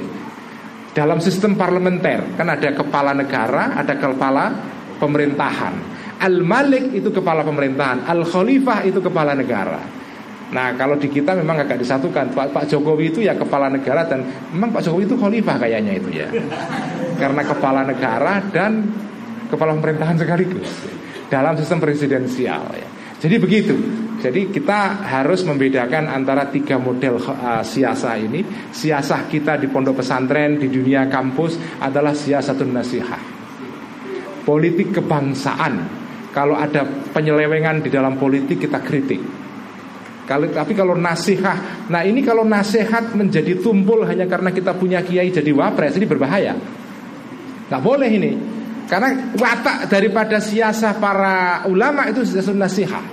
Jadi nanti kita juga harus berani menasehati Ki Ma'ruf. Kalau Ki Ma'ruf misalnya kebijakannya itu tidak sesuai dengan apa itu jalbul maslahah wadaful madorroh itu. Jadi ini ini menurut saya apa ya uh, kiat Al Ghazali atau tip Al Ghazali untuk menghadapi situasi politik kita pada uh, sekarang ini. Saya kira itu. Terima kasih. Semoga ngaji Ihya malam ini membawa manfaat dan barokah bagi kita semua. Dan semoga hari santri ini menjadi hari kebangkitan para santri, terutama santri milenial. Terima kasih. Mohon maaf jika ada kekhilafan dan kekurangan. Wallahul muwaffiq Assalamualaikum warahmatullahi wabarakatuh. Baik kita berikan aplaus untuk beliau Uh, terima kasih Gus Ulil dan uh, karena ini ngajinya ngaji Bandungan level nasional dan ada moderator begitu sehingga uh, tidak lengkap kalau kemudian tidak ada diskusi sedikit ya. Satu atau dua pertanyaan satu atau dua pertanyaan. Monggo mbak-mbak santri atau kangkang santri atau bapak ibu dosen yang merasa dikritik dosen ilmu kalam gitu ya. Dosen ilmu kalam. Monggo silakan uh, mbak santri kang santri. Iya mas yang pakai baju putih sama Pak Anies Pemaiti Atau satu? Iya Pak Anies Pemaiti monggo sama masnya yang satu itu. Atau tambah satu lagi Gus Yang perempuan. Dia monggo Bu. Bu lupa. Ya ya, ya. Bu Najaha eh Bu Najaha sini Bu Oke, monggo silakan atau ibu dulu. Monggo Bu di depan.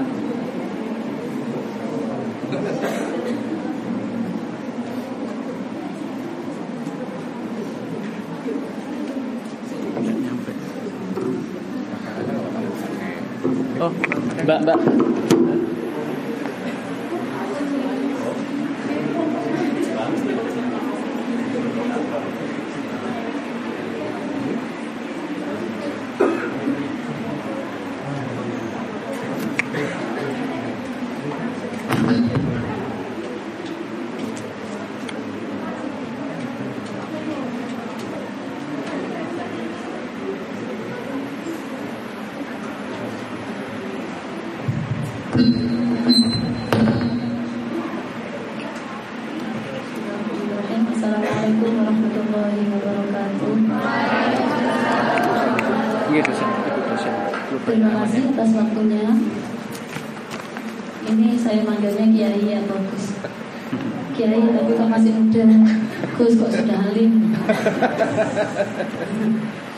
Uh, terima kasih uh, ini betul-betul pencerahan yang luar biasa. Kang Mawon, Kang. Dari santri. Dari santri. Kang santri, Kang santri. Kang santri. Uh, dan dua hal yang ingin menarik. Tadi sangat sangat apresiatif, sangat senang sekali tadi menyampaikan tentang uh, tauhid dalam uh, persepsi Al-Ghazali. Bahwasanya ternyata bisa jadi seseorang yang uh, beribadah tapi ternyata tidak bertauhid. Ini sangat sangatlah uh, menyedihkan begitu. Dan ternyata memang banyak sekali di lapangan praktek itu di kalangan NU sendiri karena saya jadi dari orang dalam. Sangat bisa memahami banyak sekali. Salah satunya ketika uh, hawa nafsu kolega tadi itu punya punya goal yang ingin dicapai bersama kemudian bersama-sama mengadakan istighosah dan sebagainya uh, yang ingin saya tanyakan Yai menurut Al-Ghazali sendiri sebenarnya orang yang dikritik itu bisa mendapatkan pencerahan itu apakah bisa dilatih dari orangnya sendiri atau itu adalah hadiah dari Allah gitu. Karena ternyata seberapapun kritik itu diberikan tidak mesti orang itu kemudian terkritik. Nah, begitu jadi bagaimana Al Ghazali memahami eh, menjelaskan dalam kitab Ihya-nya itu bisanya orang tercerahkan kemudian terkritik dan menjadi benar itu adakah latihannya lewat latihan atau merupakan pemberian dari Allah? Itu yang pertama. Terus kemudian yang kedua bagaimana Al Ghazali menjelaskan pula kriteria orang yang bagaimana sih yang diberi hadiah oleh Allah kalaupun itu hadiah? Kemudian kalau ditarik lagi lebih jauh, di mana kita bisa husnudon sama Allah, bagaimana kita uh, tetap menilai bahwa Allah itu adil ketika saya dikasih hadiah itu, sedangkan teman saya tidak atau sebaliknya teman saya dikasih hadiah itu saya tidak gitu ya. Terima kasih. Assalamualaikum warahmatullahi wabarakatuh. Bu Anis Bu Anis sekarang Pak Anis Pak Anis monggo. Ya? Nggih.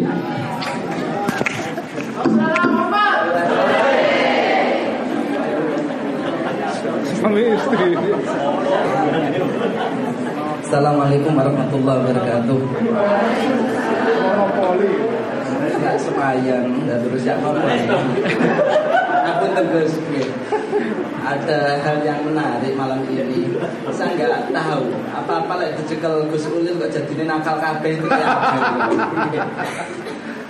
Ini tadi membahas tentang ilm, namun akhirnya juga ketemu tentang tauhidnya itu ada di situ. Bahwa tauhid yang sesungguhnya itu adalah ya apa tidak mail kepada nafsunya terus kemudian dielaborasikan sedemikian panjang lah kita hari ini ada jebakan-jebakan di NU juga. Kita nggak ngomong yang lain lah di NU aja. Min akhirnya dalam kesimpulan saya pada malam malam ini adalah min iba min mata niyati aidan ibadatun nukus watukus Ya, jadi dari situ itu jangan-jangan kita hari ini yang kita lakukan buahnya apa pun itu bentuknya, sangke senengi tahlilan, sangke senengi istighosah, termasuk sangke senengi dengan hari santri ini juga min wataniyati aidan nanti itu. Ya, jadi apa itu e, pencerahan ini menurut saya memang perlu untuk semuanya. Jadi e, satu hal yang menarik malam ini adalah menyingkap sesuatu yang memang terkadang kalau dibaca lempeng-lempeng saja ya hasilnya begitu. Namun ketika difahami detail ternyata ada sesuatu yang sangat apa itu menarik di situ. E, perlu penekanan saja Gus pada malam hari ini. Jangan-jangan kita juga terjebak pada apa itu ibadatun nukus watukus itu tadi. Itu aja. Wassalamualaikum warahmatullahi wabarakatuh.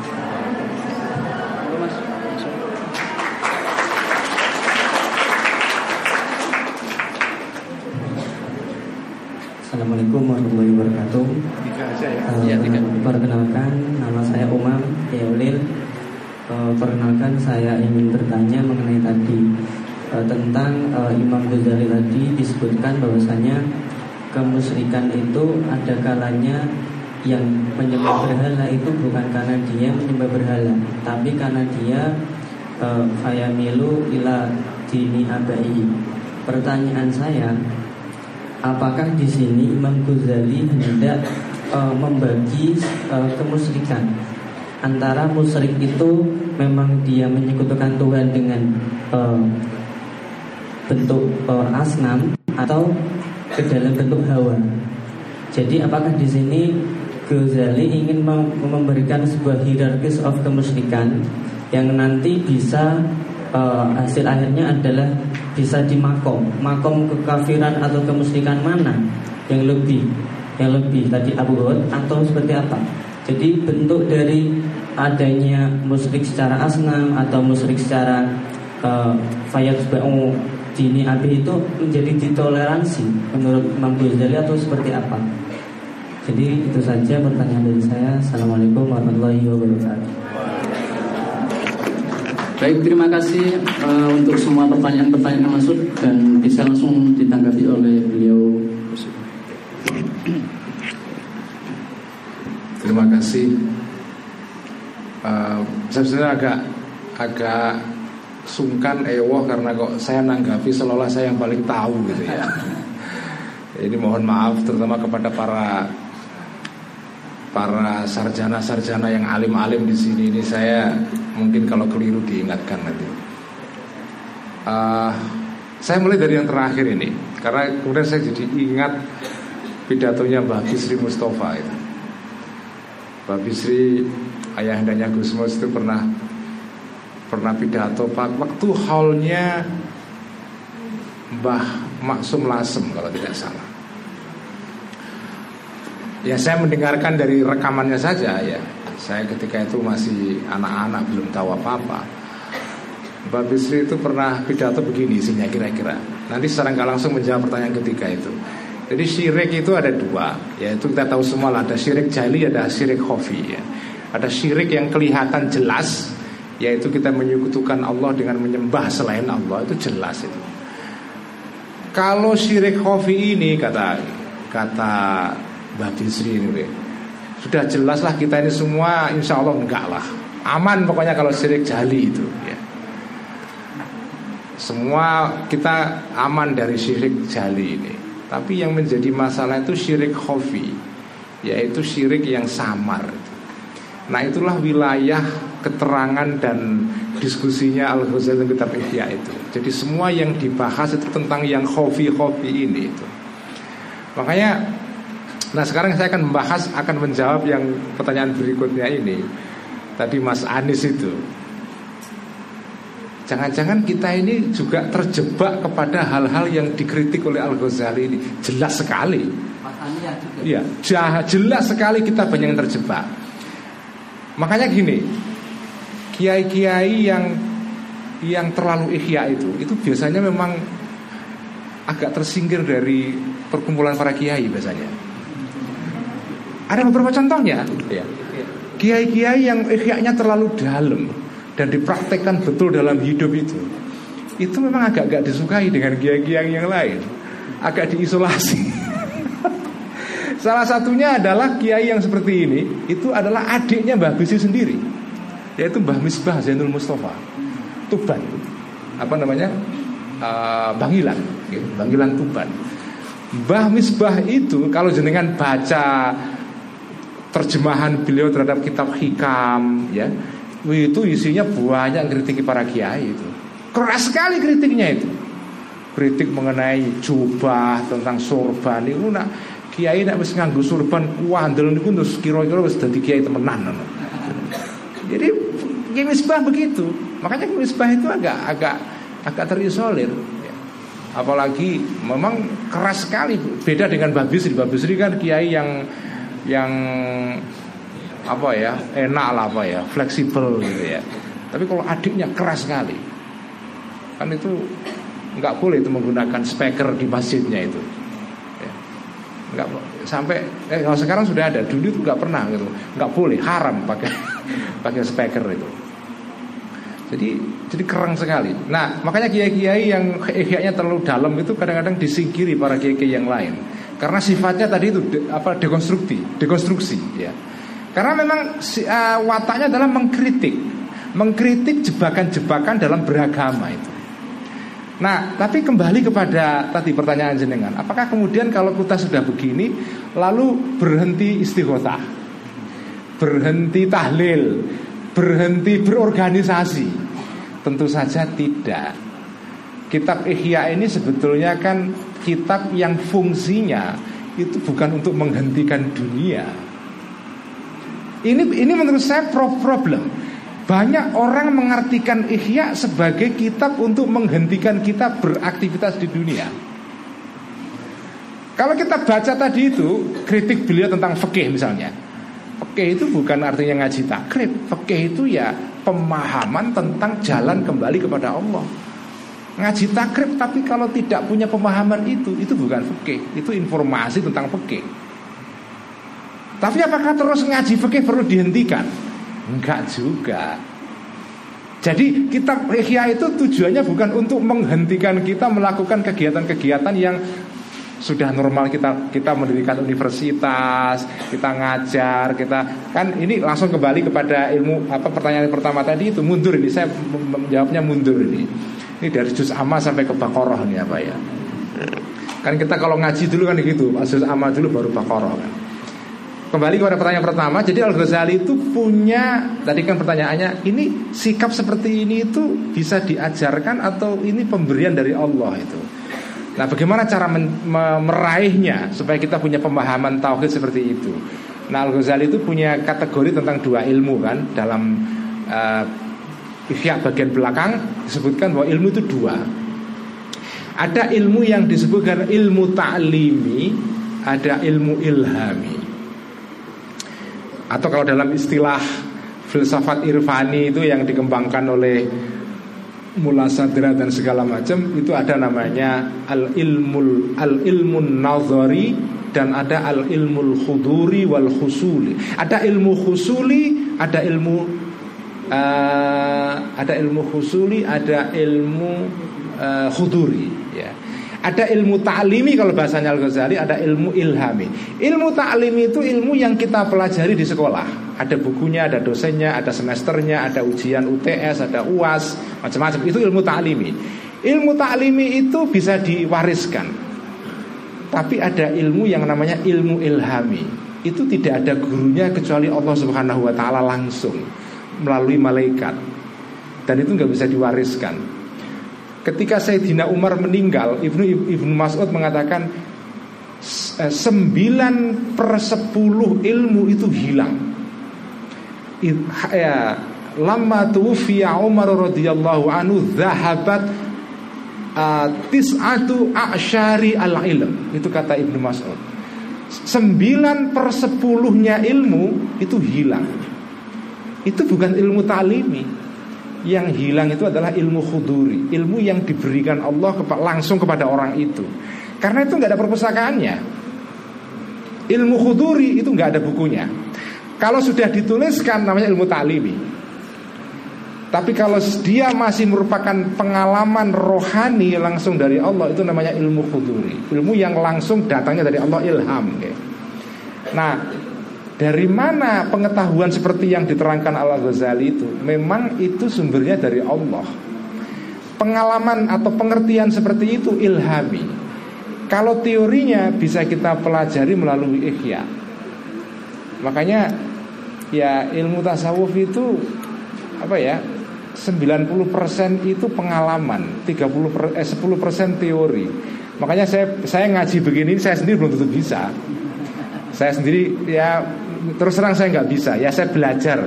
Saya sambil ngaji ya ini belajar supaya bisa sedikit-sedikit menerapkan ilmunya kitab Ihya ini. Tapi memang kitab Ihya ini, ini intinya adalah kalau kita tidak mengamalkan ini sebenarnya nggak ada gunanya juga. Nggak ada gunanya juga. Nah bagaimana cara mengamalkannya? Menurut saya mengamalkan kitab Ihya bukan berarti menghentikan aktivitas keduniaan kita kita nutup madrasah nggak usah ngaji fikih nggak usah ngaji tauhid nggak usah ngaji tafsir dan seterusnya. Karena itu semua bukan ilmu misalnya kan? Atau kita nggak boleh istighotha nggak boleh berorganisasi NU karena takut ada wathaniyah tadi itu apa? Ah, ibadatun nukush wan nufus tadi itu. Enggak mas ya. Tetap kita berorganisasi tapi sadarlah bahwa ada jebakan di sana. Itu aja. Makanya saya sukanya kitab Ihya itu kitab yang ini adalah senjata dalam hati. Makanya kitab Ihya itu nggak boleh untuk nuding-nuding orang. Kitab Ihya itu tujuannya nuding diri sendiri. Kamu berorganisasi NO itu janjane apa maksudnya? Itu diri sendiri. Jangan kamu Nah, kalau kamu nuding orang lain itu bukan ngaji Ihya itu. Itu ya menuduh. Kalau sudah menuduh itu hawa nafsu. Karena setiap orang nuding orang lain Sebetulnya ada hawa nafsu di dalamnya Karena nuding orang lain itu pasti ada Ada the joy of nuding nikmat nuding itu.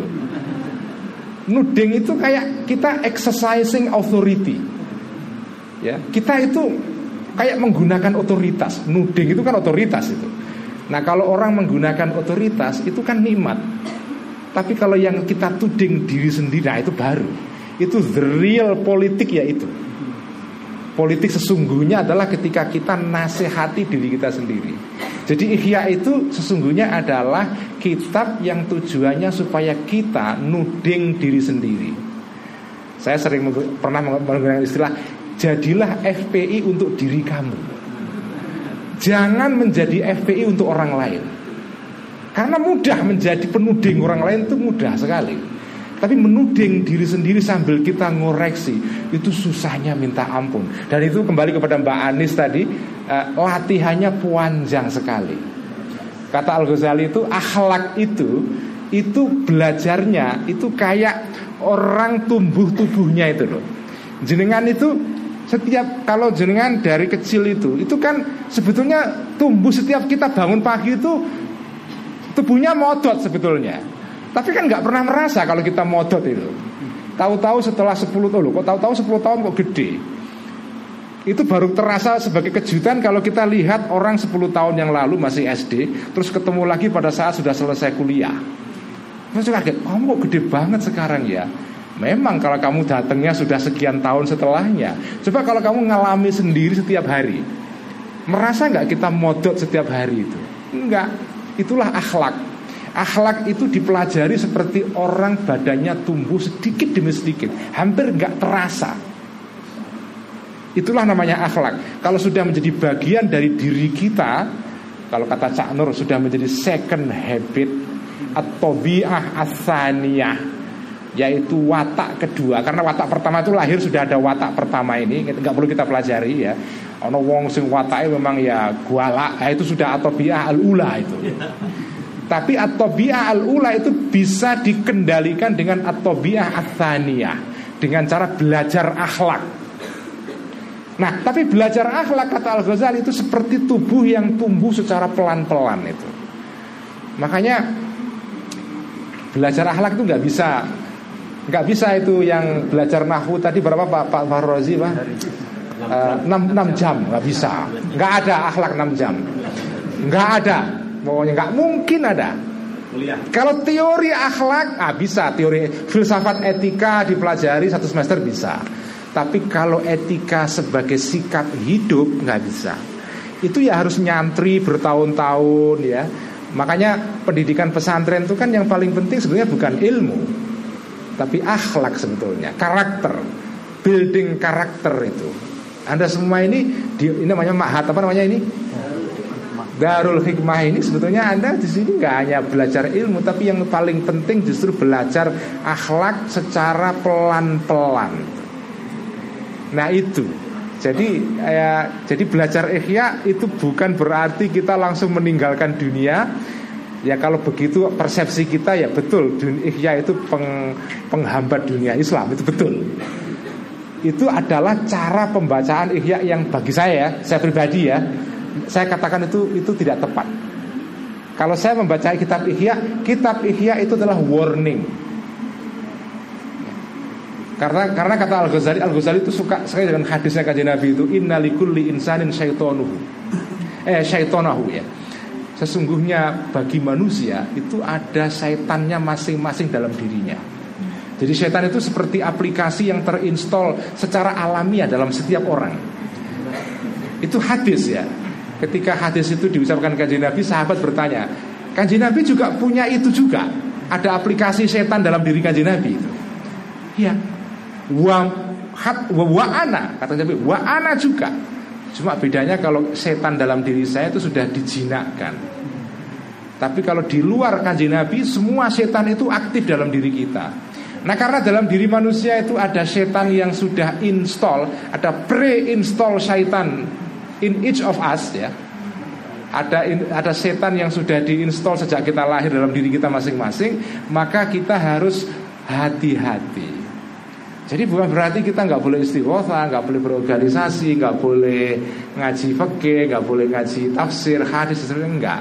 Memang itu semua potensial menjadi kita sombong Tapi bukan berarti lalu kita berhenti belajar ya. Jadi ya belajar tapi sambil kita eh, apa hati-hati supaya kita nggak terjebak dalam jebakan itu. Makanya saya mengatakan kitab Ihya ini adalah kitab yang merupakan apa ya ada ada seorang ulama mengatakan laulal ihya alamatal ahya. Laulal ihya alamatal ahya. Kalau nggak ada kitab ihya ini orang-orang yang sudah hidup ini mati. Mati saat jeruning murid apa ya uh, itu kalau nggak ada kitab ihya karena memang jebakan-jebakan orang mat orang hidup sudah mati itu banyak sekali ya mati sebelum mati itu orang hidup tapi sudah mati itu kan banyak sekali di apalagi di zaman modern sekarang ini kan orang masih hidup tapi mati itulah yang menjadi objek dari uh, nasihatnya kitab Ihya ya. kalau anda pernah belajar filsafat ada istilah namanya reifikasi. Reifikasi itu artinya pembendaan itu sebetulnya adalah uh, teori dalam dalam filsafat Marxisme itu Pembedaan itu artinya adalah orang sudah kehilangan spirit kemanusiaannya turun menjadi benda saja. Itu namanya pembendaan. Jadi kalau contohnya dalam filsafat marxisme, kalau ada orang jadi buruh hanya dinilai berdasarkan pekerjaannya saja tidak menjadi manusia, itu namanya adalah reifikasi. Orang dinilai berdasarkan dia bisa kerja atau tidak bukan sebagai manusia yang utuh. Itu namanya reifikasi. Nah, kira-kira beragama itu juga bisa mengalami reifikasi. Humanismenya sudah nggak ada, kemanusiaannya sudah nggak ada, yang tinggal hanya atukus. Apa atukus itu? Ritual. Ritual yang tanpa semangat, tanpa roh sama sekali. Itulah reifikasi. Jadi kitab Ihya ini sebetulnya kitab untuk mengobati reifikasi supaya kita tidak merosot menjadi benda saja kehilangan kemanusiaan kita. Kita hanya rutin beribadah tapi nggak ada semangatnya. Rutin berorganisasi tapi tidak ada rohnya. Rutin istighotah dan laitul istimak tapi tidak ada semangatnya. Itu kan pada dasarnya semua orang itu ter, ter, bisa kena jebakan itu. Nah, kitab Ihya itu adalah untuk menghentikan itu semua. Makanya ini kitab yang dibutuhkan. Makanya sekarang kitab Ihya itu ada ya, apa ya terjemahannya itu macam-macam ya. Saya ini kan menerjemahkan Ihya dengan cara yang agak nakal tadi itu apa ya. Uh, mungkin agak liberal lah ya. Uh, nggak tahu begini ini liberal atau enggak saya sih enggak ya. Ini spiritual sekali menurut saya. Spiritual sekali menurut saya. Jadi uh, Ihya ini sebetulnya adalah kitab yang relevan untuk semua kelompok. Saya pernah cerita ya, kitab Ihya ini pernah diringkaskan oleh seorang penulis ulama Yahudi untuk orang-orang Yahudi pada masa Spanyol dulu. Karena saking visinya itu penting banget. Jadi ini kitab sebetulnya bisa dibaca oleh semua orang. Ya orang muslim ya non muslim. Makanya kitab yang pertama di studi di Eropa itu kitab Ihya. Sebelum yang lain-lain. Ibnu Rushd belakangan. Yang pertama kali menarik perhatian orang Eropa itu adalah Al-Ghazali. Kenapa? Karena kitab Ihya-nya ini selain yang satunya ya, yang apa itu yang kitab beliau yang terkenal biografinya itu apa namanya? Uh, apa? Yang biografi Al-Ghazali yang terkenal judulnya adalah ah, bisa lupa ya. Ini gara-gara nunggu kabinet jadi lupa malah